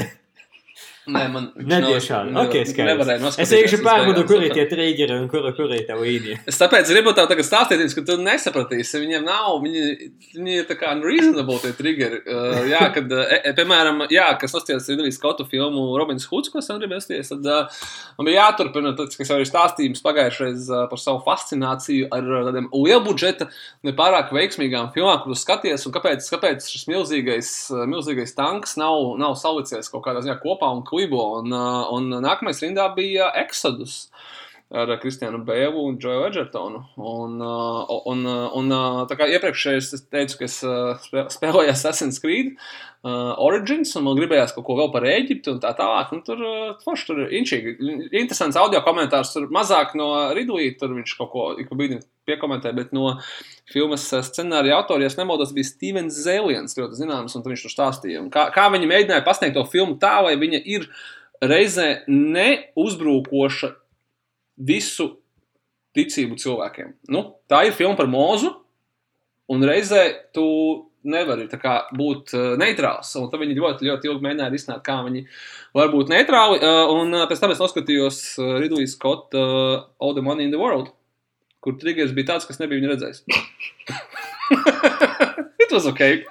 Es nevarēju, es laikam visu filmu skatījos, kur ir, kur ir, kur ir Spacey un nav. un kur viņš nav. Nu, kā, nu, jā, kad es skatos katru ainu ar Kristofera Plāmeru, es saku, minu, a, tur ir tā kā green screen, a, viņš tā kā pa virsmu uzlīmēts, a, viņi tā kā atsevišķi filmēja. Un es saprotu, ka īstenībā baigi slikti tas ir. Nu, kā, Tas nu, ir uh, backstory. tad Rauj Es nezinu, uh, ar Kevinu Spēciju safilmēja visu filmu, un tad uh, bija skandāls, un, un uh, Ridley Scotts izdomāja, hei, es negribētu varbūt Spēciju savu filmu, līdz ar ko viņi pārfilmēja visas ainas, bet paņēma uh, Kristoferu Plummeru uh, tajā lomā. Nu, tas bija ļoti īsi pirms filmas iznākšanas. Jā, Piecās baigi ātri to uztaisīt. Un pateica arī, ka no Spacey nemaz arī nav, neesot gribējis jau no sākta gala. Tur kaut kāds, es, es pat, man liekas, ka tas bija. Pateica? Es arī negribēju sevi savā filmā. Tas bija tik ātri, ka man tas bija strīdījis katra vingrinājums, cik ātri es varu pārtaisīt filmu, tā kā pašam sev izaicinājums par svešu cilvēku naudu. Nu, kā, ne, nu, nav slikta filma, bet, nu, kas redzējuši viņi tādu, nu, it was, it was ok. Tā kā, nu, nav īsti tā, ka baigi par to, kur, ka piesieties vai ko izstāstīt. Jā, triggers bija tikai tas, kas nebija redzējis. un tā. Nākamais rindā ar Ridley Scottam man ir Kingdom of Heaven, protams. Mm. Nu, jāredz. Direktors. Kuru vēl? Jā, Jā, jā, jā. Ko te? Kuru vēl? Nu, directors. Skat, jā. Jā, jā, es esmu redzējis kinoteātrī. Parasti to man nav Man iemesls liekas, skatīties. kino viņi redzēja trīs reizes. Jā, uh, Nu, es, tāpēc, es, es gribu Orlando noskatīties uh, directors, un man ir tas milzīgais box sets ar čet, četriem diskiem. ak, Dievs. Uh, un tad arī White Squall, ko es neesmu redzējis. No Rīgas Skota. Nezinu, kāds, kāds ir redzējis šeit, nav. Ar Jeffu Bridgesu un uh, Jahtu. Nu, kā tad es uh, noskatījos uh, Assassin's Creed ar Michaelu Fassbenderu tikai tāpēc, ka uh, es uh, ieguldīju pēdējā mēneša laikā kāds 50 stundas trīs dažādās Assassin's Creed spēlēs, un man likās, ka man nevajag to vairs darīt. Un es varu to Assassin's Creed fiksu dabūt ar filmu. Noskavot viņam šī Assassin's Creed, noskaties filmu, tā ka es vairs nekad negribu neko Jā, jā, darīt jā. ar Assassin's Tu, tuvu tam, tuvu tam. ka Ne, nevajag slēgt iekšā. Vienkārši, nu, ja tu gribi, tad vismaz nosties filmu tikai divas stundas gara. Nu, baigais. Nu, baigais. Mēs toreiz pat sēņas taisījām viņai tā, ka tu skaties un saproti, ka tās filmas vienīgais fails ir tāds, un par to mēs noteikti parunāsim. Nu, jā, t, uh, mēs runājam par to, ka bija par video spēļu ekranizācijām, kad, uh, kad neviens no tiem, kas to filmu veidoja, viņi nu, tā nemīl to pirmo votu. Nu, viņi tā kā taisa kaut ko ļoti kvalitīvu, bet viņiem nav, nezinu, sirds. Nu, viņi, viņi nezina, kāpēc viņi to dara. Varbūt labāk netaisīt tiešām. Nu, tā kā, nu, tad uztais kaut ko citu, īsti netērē laiku, bet, uh, bet jā, ne Fassbenders, ne Kurzels, ne kas tur, viņi visi bija producenti tam filmai. Viņi, tā kā, tu, tu saproti, ka viņi nesaprot neko no tā oriģināla, viņi ir Nu, uh, un, un vēl es noskatījos uh, filmu Two Guns, uh, tāpēc, ka man bija paģirs. Ok. Fair enough, ne? Un, uh, un uh, muļķiem mēs tikko izrunājām. Tā kā diezgan daudz kas jā. Tā, es uh, savukārt, es atbildot uz jautājumu, cik es uh, skatos uh, filmas, uh, tad šoreiz es skatos zero filmas, uh, jo es noskatījos uh, pārsvarā seriālus, uh, tad es skatījos uh, sākumu diviem seriāliem, puses gan arī visu atkal noskatījos Community. Uh, Viens no seriāliem, uh, kuru es gribētu pieminēt, ir Killing Eve, kas uh, nesen startēja trešo sezonu. Tas ir īstenībā viens no nesenajiem atklājumiem, um, un par to bija jau dzirdēts pirms tam, bet uh, seriāls skatījās pēc uh, kārtējā spiegu seriāla, tāpēc īsti arī nedevam iespēju tam. Uh, bet kā jau dzīvē notiek, dzīvē ienāk Fibija Vaura brīdže, uh, un viss tiek mainīts. Uh, jeb uh, pēc tam, kad uh, noskatījāmies Fleabag, mēs ar sievu uzmeklējām arī šo Killing Eve seriālu un devām iespēju. Uh, un tagad iznāca trešās sezonas pirmās divas uh, sērijas, uh, jau noskatītas, uh, jeb iespēju devam, iespēja izmantoja izdevību un pierzervēja sev diezgan stabilu vietu mūsu skatīšanas sarakstā, jeb mēs negaidām tad uh, sezonas beigas, skatāmies uzreiz no, uh, uh, kamēr sērijas iznāk, uh, un tad, tad iesakām to darīt arī citiem. Uh, kas nezinu, vai arī kas varbūt arī redzēja to aprakstu un, un, un uh, nolēma, ka tas ir spiega seriāls un es neskatīšos. Uh, Seriāls ir balstīts Kāpēc? uz. Tu nos, kāpēc tu noskaties, ka tas ir spiegu seriāls un tu neskaties? What, Nē, nē, nē, tāpēc, ka es with you? Nē, nē, nē, ne jau, ne jau tā kā, kā, kā spiegu seriāls, bet es esmu tā kā tas ir spiegu seriāls, un viņš tā kā, nu, ok, uh, šīs ir spiegu seriāls, un tad vēl ir The Americans, un tad ir vēl šitais, un šitais, un šitais, un tādu seriālu ir daudz, un nebija tā kā līdz Fibijai, nebija tas triggeris, kas tev liktu tev domāt, oh, shit, šitu vajag redzēt. Bet ir vērts redzēt, un es pastāstīšu, kāpēc. Balstīts seriāls ir uz grāmatu serijas no Lika Jenningsa. Viņš izveida sākuma grāmatas uz Kindle, tagad viņam arī grāmatu serija ir arī sadrukātas. Seriāls ir par, un grāmatas ir par divām galvenām personāžam, kas ieņem pretējas puses, jeb Īva uh, strādā MI6, un viņa mēģina nocert augoto slepkavu Vilenes, kas strādā krimināla sindikātā 12, The 12. Uh, so far izklausās uh, diezgan parasti. Kas padara šo seriālu par kaut ko īpašu, ir uh, attiecības starp uh, tām divām personāžām, melnais humors un ļoti detalizēti, nu, ok, ne ļoti detalizēti, bet ļoti interesanti uzbūvēta krimināla pasaule. Uh, jau pirmā sērija starp Īvu un Vilanes sāk veidoties tāda neveselīga apsēstība ar, tā teikt, sexual connotation, kas bīda uz priekšu katru sezonu, un abas aktrises, Sandra O un, un Jodija Kovera, ir, jā, ir superīgas, bet, nu, lai man piedod Sandra O, jo, kas spēlē Īvu, jo Vilaneses personāži, jeb Jodija Kovera, ir vienkārši bombastic, fantastic, Tāda veida slepkavu es vēl laikam neesmu redzējis, un tā ir gan brutāla, gan arī super simpātiska un stilīga un smieklīga, un tas viss Džodijas kameras ideāla aktieru spēlē. Uh, Uh, tāpēc... Sa Sandra O izklausās pēc kinopakūtas After Dark. Kopā ar to, ko tu jau izstāstīji, es tā kā sāku tagad domāt. Sergei, es, es, citu, es konkrēti tev iesaku šo īstais redzēt. Es, tagad tas bija mans triggers. Yes, I'm, I'm watching Sandra, it. oh, jā, jā, google viņu. Um, un, uh, un uh, tā uzbūvēta pasaule īstenībā var uh, konkurēt ar Džona Vika universu, kur slepkumi ir tāda detalizēta hierarhija, ir savi noteikumi, ir savi spēlētāji, un viņi tā kā padruskai katru sezonu to atklāja. Tā kā jā, noteikti iesaku, katru sezonu raksta cita autore, un pirmo rakstīja Fībija, līdz ar ko katra sezona arī drusku kinda atšķiras. Man tas arī patīk, ka tas stils ir mainīgs. Kur, kur Nu. tas ir? Uh, tas iznāk BBC. Tā kā, ja mēs ejam uz to pelēko zonu, kas ir VPN, tad jūs varat ieslēgt VPN uz Lielbritāniju un noskatīties Killing Eve uh, iekšā BBC iPlayer. Jā, Uh, absolūti bet, legāli un bezmaksas. Ja es tūlīt negribu jums samot, man liekas, ka pie mums arī vismaz pirmās divas sezonas varētu būt, ka pieejams GO 3. Ah, okay, jā, super, tāpēc, ka kaut kur super. viņš bija, kur es neesmu es redzēju viņu, bet uh, viņš nebija uh, caur jā, pelēkajā zonā. Uh, otrs serijos, kas savukārt ir pieejams uh, HBO paka vai nu, vai nu LMT vietuvizē vai no Helio, ir Run, jeb Līva pavisam nesen uh, šo seriju jau pieminēja. Uh, tas ir jauns veikums no HBO, uh, un šovu veido Vikija Džonsona, uh, Vikija Džonsa, bet pie producentiem var atrast Fibiju Vauru Bridžu. Oh bet skaidrs, skaidrs, kas ir mans triggeris. Galvenais lomas spēlē Merita Vīvera, kas pazīstama kā Mēdmasa Zoja seriāla Norris Jackie vai, vai kā Skārotas Johanssonas personāžas māsa filmā Marriage Story. Uh, un vēl daudz citos seriālos, kur viņa spēlē otras pakāpes lomu, bet šī laikam ir uh, Godless. viņas Godless uh, Netflix seriāls arī. Viņa šeit uh, ir, uh, es pieļauju, ka lielāka loma pagaidām.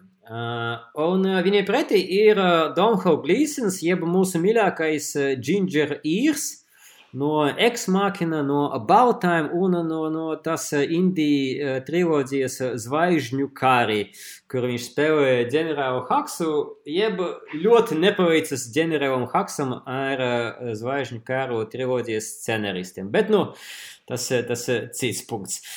Lūk, uh, seriāls, uh, kā jau mēs minējām, sākas ar to, ka Rubija, kuru spēlē Vīvera, viņa saņem uh, īziņu no Domho personāža ar vienu vārdu Ron. Un viņa atbild Ron, atmet visus plānus un brauc uz Ņujorku, jo pirms pieciem, 15 gadiem viņa sarunāja, ja kāds no viņiem raksta otram Ron un saņem tādu pašu atbildi, tad viņi tie, kas eh, visu atmet un tie, kas galvenie Ņujorkas stacijā un dodas ceļojumā pāri ASV. Un serijos pagaidām uh, Līva laikam redzēja piecas sērijas, vai ne? Jā, Pagaidām es skatos uh, tās divas, es neskatījos skrīnerus tikai tādēļ, ka man uh, kinda vajag titrus. Un tāpēc es skatos uh, tas divas sērijas ar titriem, un serijos ir spraigas personāži, liekas uh, interesanti, un settings uh, sola piegādāt diezgan daudz aizraujošas situācijas, balsoties uz uh, viņu pagātni. Pirmās divas sērijas atgādināja uh, Before Sunrise, Sunset, Midnight triloģiju. Uh, kur, tālāk tas mainīsies. Tālāk, jā, tas laikam mainīsies, jo es esmu dzirdējis, piesaucot Hitchcocku un, un trījuma elementus, līdz ar ko gaidu, gaidu nākamas sērijas. Tā, Bet tas sākums, treš- jā, es saprotu, ko tu minēji par to before triloģiju. Tas pirm, pirm, pirmais to atgādina, bet, bet tad viņi. Mhm. uh, Okay. Tas, tas arī man patīk, un skaidrs arī, ka tas. Mēs, es, es pieminu Vaura brīžu, tāpēc, ka viņa spēja spēlēties un kombinēt tos dažādus žanrus, tāpat viņa to dara ar Killing Eve, man tas ir riktīgi patīk. Uh, un, un, un uh, es uzreiz pabrīdināšu, ka trešais seriāls uh, nav saistīts ar Vaura brīdžu, Sergeju var nopusties. Mēs jau esam zaudējuši. Klausītājus. jo ir community. Es, es seriālu, nu, ok, tas ir tas, eh, ko es eh, teicu Līvai, kāpēc es skatījos Mindhunter otru reizi. Community es esmu redzējis kā laik piecas reizes, bet eh, pēdējās divas sezonas esmu redzējis tikai vienu vai divas reizes, so it counts. Uh, es, es teiktu tā, ka es nevis es aizmirsu, bet uh, es uh, lieku reizi sev atgādināju, cik ļoti inovatīvs bija šīs seriāls. Um, un uh, es gribētu veltīt uh, laiku, lai uzrunātu to auditoriju, kas varbūt noskaties pirmās trīs sērijas un atmeta seriālu, tāpēc, ka viņš izskaties, nu, tā kā triviāli. Tur ir grupa ar personāžiem, demografiski dažāda vecuma un ar dažādu ādas krāsu, sāk mācīties sliktā tehnikuma un veido spāņu valodas mācību grupu, jeb reku ir settings un tālāk, nu, tie paši Friends vai tie paši How I Met Your Mother, bet personāži citādi, ok. Bet tas, ko uh, veidotais Dēns Harmons piegādā, ir oriģinālu un ļoti smieklīgu sitkomu dekonstrukciju. Skaidrs, ka sitkoma elementi joprojām uh, seriālā ir un iebūvēti, bet viņš tos papildina ar vai nu meta sērijas par sitkomu klišējiem, vai nu vispār paņemot svešus žanrus un ievietot tos uh, sitkoma formātā, kā teiksim, bija ar, ar paintball sēriju, kuru režisēja Justins Lins. Pazīstams kā labāko Fast and Furious filmu režisors, jeb 456. Nu, arī 9, bet 456 ir vislabākais. Tu piekritīsi, Sergei, vai ne? Jā. Mums vajadzēs vienu brīdi savu, savu to definite kinokūta tops, uh, bet jā, 456, 5 tīpaši. Uh, labākas Fast and Furious filmas, un, un īstenībā arī Ruso brāļi, kuri ir pazīstami kā Avengers pēdējo divu filmu veidotāji, režisori, arī ir režisējuši vairākas sērijas seriāla community. Es ļoti silti iesaku tiem, kas varbūt atmeta pēc pirmām trim sērijām, tāpēc, ka uh, Likās, ka nu, parasts seriāls. Nav parasts. Nē, ne, viņš taustās. Viņš taustās pirmās dažas sērijas, viņš taustās, un tad viņš atrodas un vairs netaustās. Kā, Man baigi, baigi fascinē par to, ka at, atšķirība no citiem seriāliem šeit veidotāji ļoti brutāli ieklausījās, ko viņam stāsta fani. Ir konkrēts piemērs ar to, ka ir viena sērija, kur um, ir izmantota. Uh, ja, Seriāls, seriāla laika, pirmas eh, vai otras sezonas laikā, eh, kāds fans salika kopā samontēja dažādas ainiņas ar personāžiem un ielika YouTube uzlikot čīzi eh, dziesmu. Veidotāji to redzēja un uztaisīja savu omāžu uz šito fanu klipu un ielika to seriālu. Iedomājieties, ka tu sataisīsi to fanu klipu, tu skaties uh, savu mīļāko seriju, un pēkšņi bum! Tavs, tava dziesma, tavs klips, tavs veidojums ir, ir iekšā serijā. It's, it's insane! Kā tieši viņi šito apspēlēja un uh, kādas detaļas ielika iekšā serijā. Tas man ir rīktīgi patīk, tāpēc īsam iesaku. Ir tīpaši tāpēc, ka viņš ir pieejams gan Amazonā, gan Netflixā. Six seasons and a movie! Jeb gaidām filmu. Pāri jaunumiem, kurus būs iespējams redzēt pavisam drīz Netflixos, Amazonos vai nezināmas krievu platformas, kuras Sergejs ir pieregistrējis ar samaksāt Gazpromā. Ar uzņēmuma karti.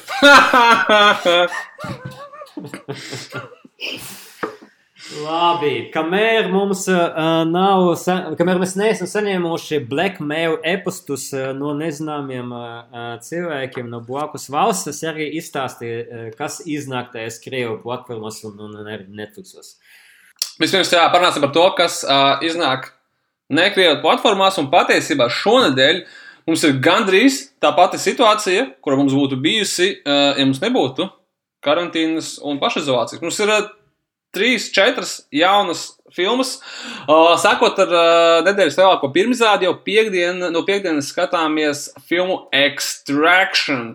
Straumēšanas platformā Netflix tas ir uh, liel, vēl viens lielbudžeta akcents, jeb grāvēja filma šoreiz ar pašu Krisu Hemsvortu galvenajā lomā. Uh, kurš tēlo uh, pret terorisma vienības uh, kaujinieku, un filmu ir producējuši jau tevis pieminētie Ruso brāļi, kuri uh, producē pa filmai ar katru no saviem atriebiem. Nesen mums bija 21 tilts ar Čadviku Bolsmanu, nu tagad mums ir Extraction ar Krisu Hemsvortu. Atsauksme par filmu Rotten Tomatoes ir viduvējs, mēs paši vēl neesam redzējuši, bet visas atsauksmes saka, ka, ja jūs gribat grāvēju filmu, Un kā mēs zinām, pēc Bright un Six Underground panākumiem Netflix platformā, šīs platformas lietotāji grib tā skaitā arī vienkārši, lai būtu, nu, normāls bojeviks. Tā kā tas arī ir normāls bojeviks. Es zinu, ka es totāli skatīšos ne tikai tāpēc, ka tur ir Hemsworth, nu, tas pēc definīcijas. Bet, bet tāpēc, tāpēc, ka tur ir shortless Hemsworth. Cerams, bet tāpēc, ka viņa varonis saucot Tailers Reiks, un viņš kādu nogalinot ar grābekli filmā. Ar grābekli? Jā, un viņa uzvārds ir Rake. okay. Tā kā uh, es esmu izturkos un Rake grābeklis, jā. Un tad viņš kaut ko pasaka no sērijas, pagrāb, pagrāb malā. Rake tādu. Nu, to, jā, rake this. I'm gonna rake you, jā, jā. Bet mazliet kvalitatīvāka kino cienītājiem, rekomendējam strauji abonēt Apple, plus, Apple TV plus platformu, kurā jau no piekdienas dokumentālā filma Beastie Boys Story par leģendāro uh, grupu Beastie Boys. Ceru, ka par grupu jums nekas nav jāstāsta, paši visu zināsiet, bet uh, filmas veidotājs ir viens cits kā Spikes Jones. Uh, viens no uh, ļoti, ļoti leģendārs filmmakers. Un arī uh, cilvēks, kurš savu laiku ir uzņēmis spilgtākos Boys klipus, piemēram, sabotāžu un daudzus, daudzus citus. Nu, viņš tiekās ar uh, atu, dzīvi, dzīvi dzīvi esošajiem, dzīvi atlikušajiem.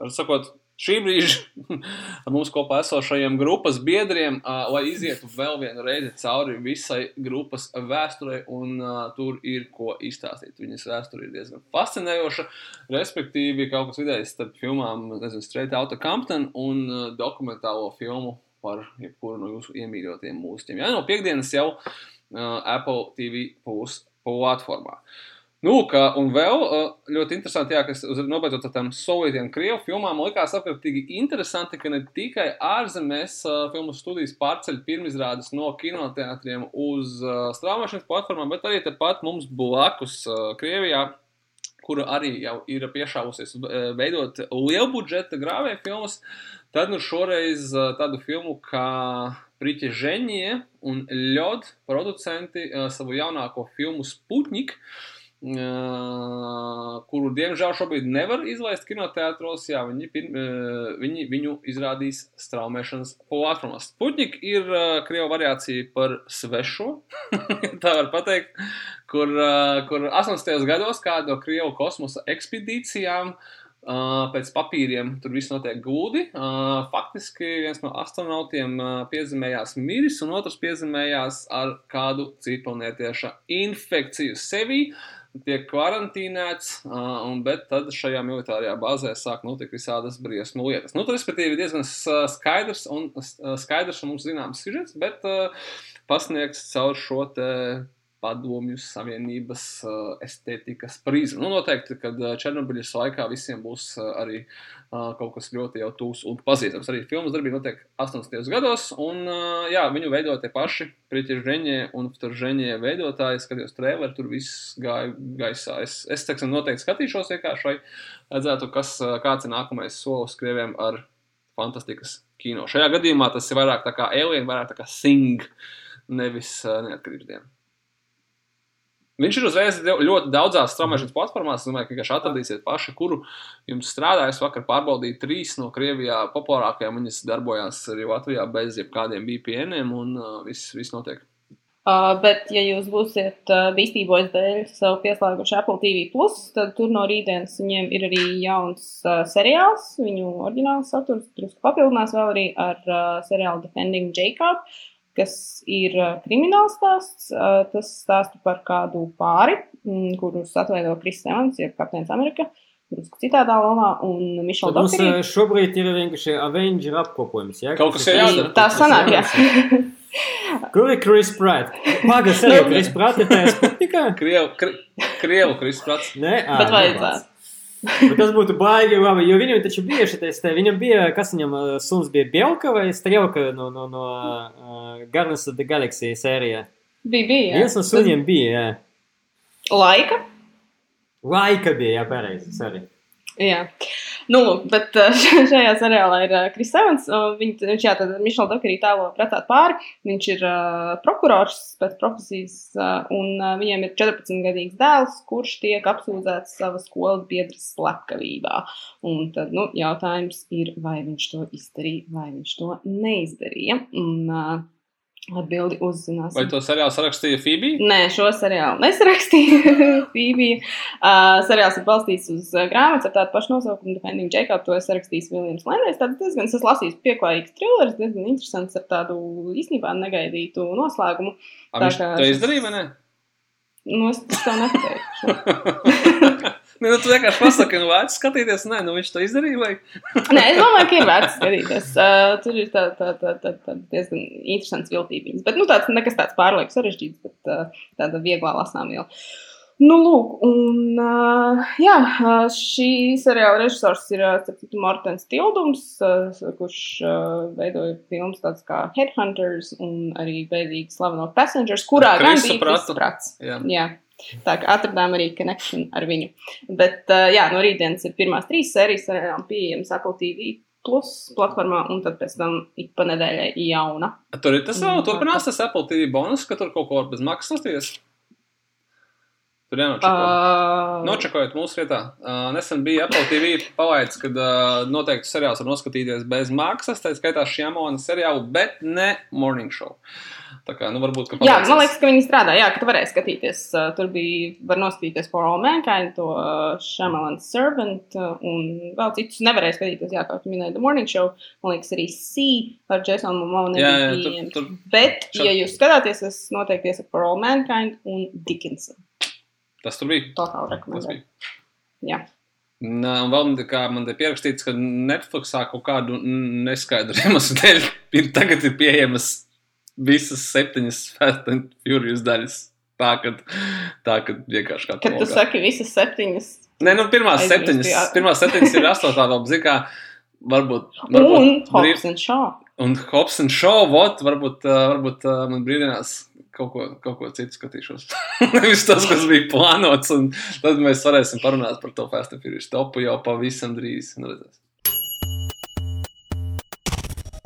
Nu, lūk, kad uh, mēs izlaižam nedēļu un visi paspēja saskumst, ka kinokūta nav, tad viņi atnāk nākamajā nedēļā ar milzīgo ierakstu un milzīgo podkāstu, kur viņus nevar apturēt.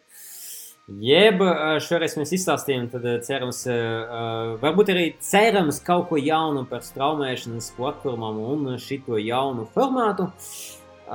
Šo podkāstu var klausīties aplikācijās Apple podkāsts, Spotify, Overcast vai arī citās jūsu iemīļotās aplikācijās, un mēs ļoti gaidām viedokļus un atsauksmes un zvaigznes. Zvaigznes no jums, kā arī rakstiet uz hello at kinoklus.lv vai arī citur mūsu sastīkos. Šo raidījumu ir uh, montējis Toms Silēns, uh, un no Kinokūta komandas mēs sakam jums paldies par uzmanību un līdz nākamajai reizei.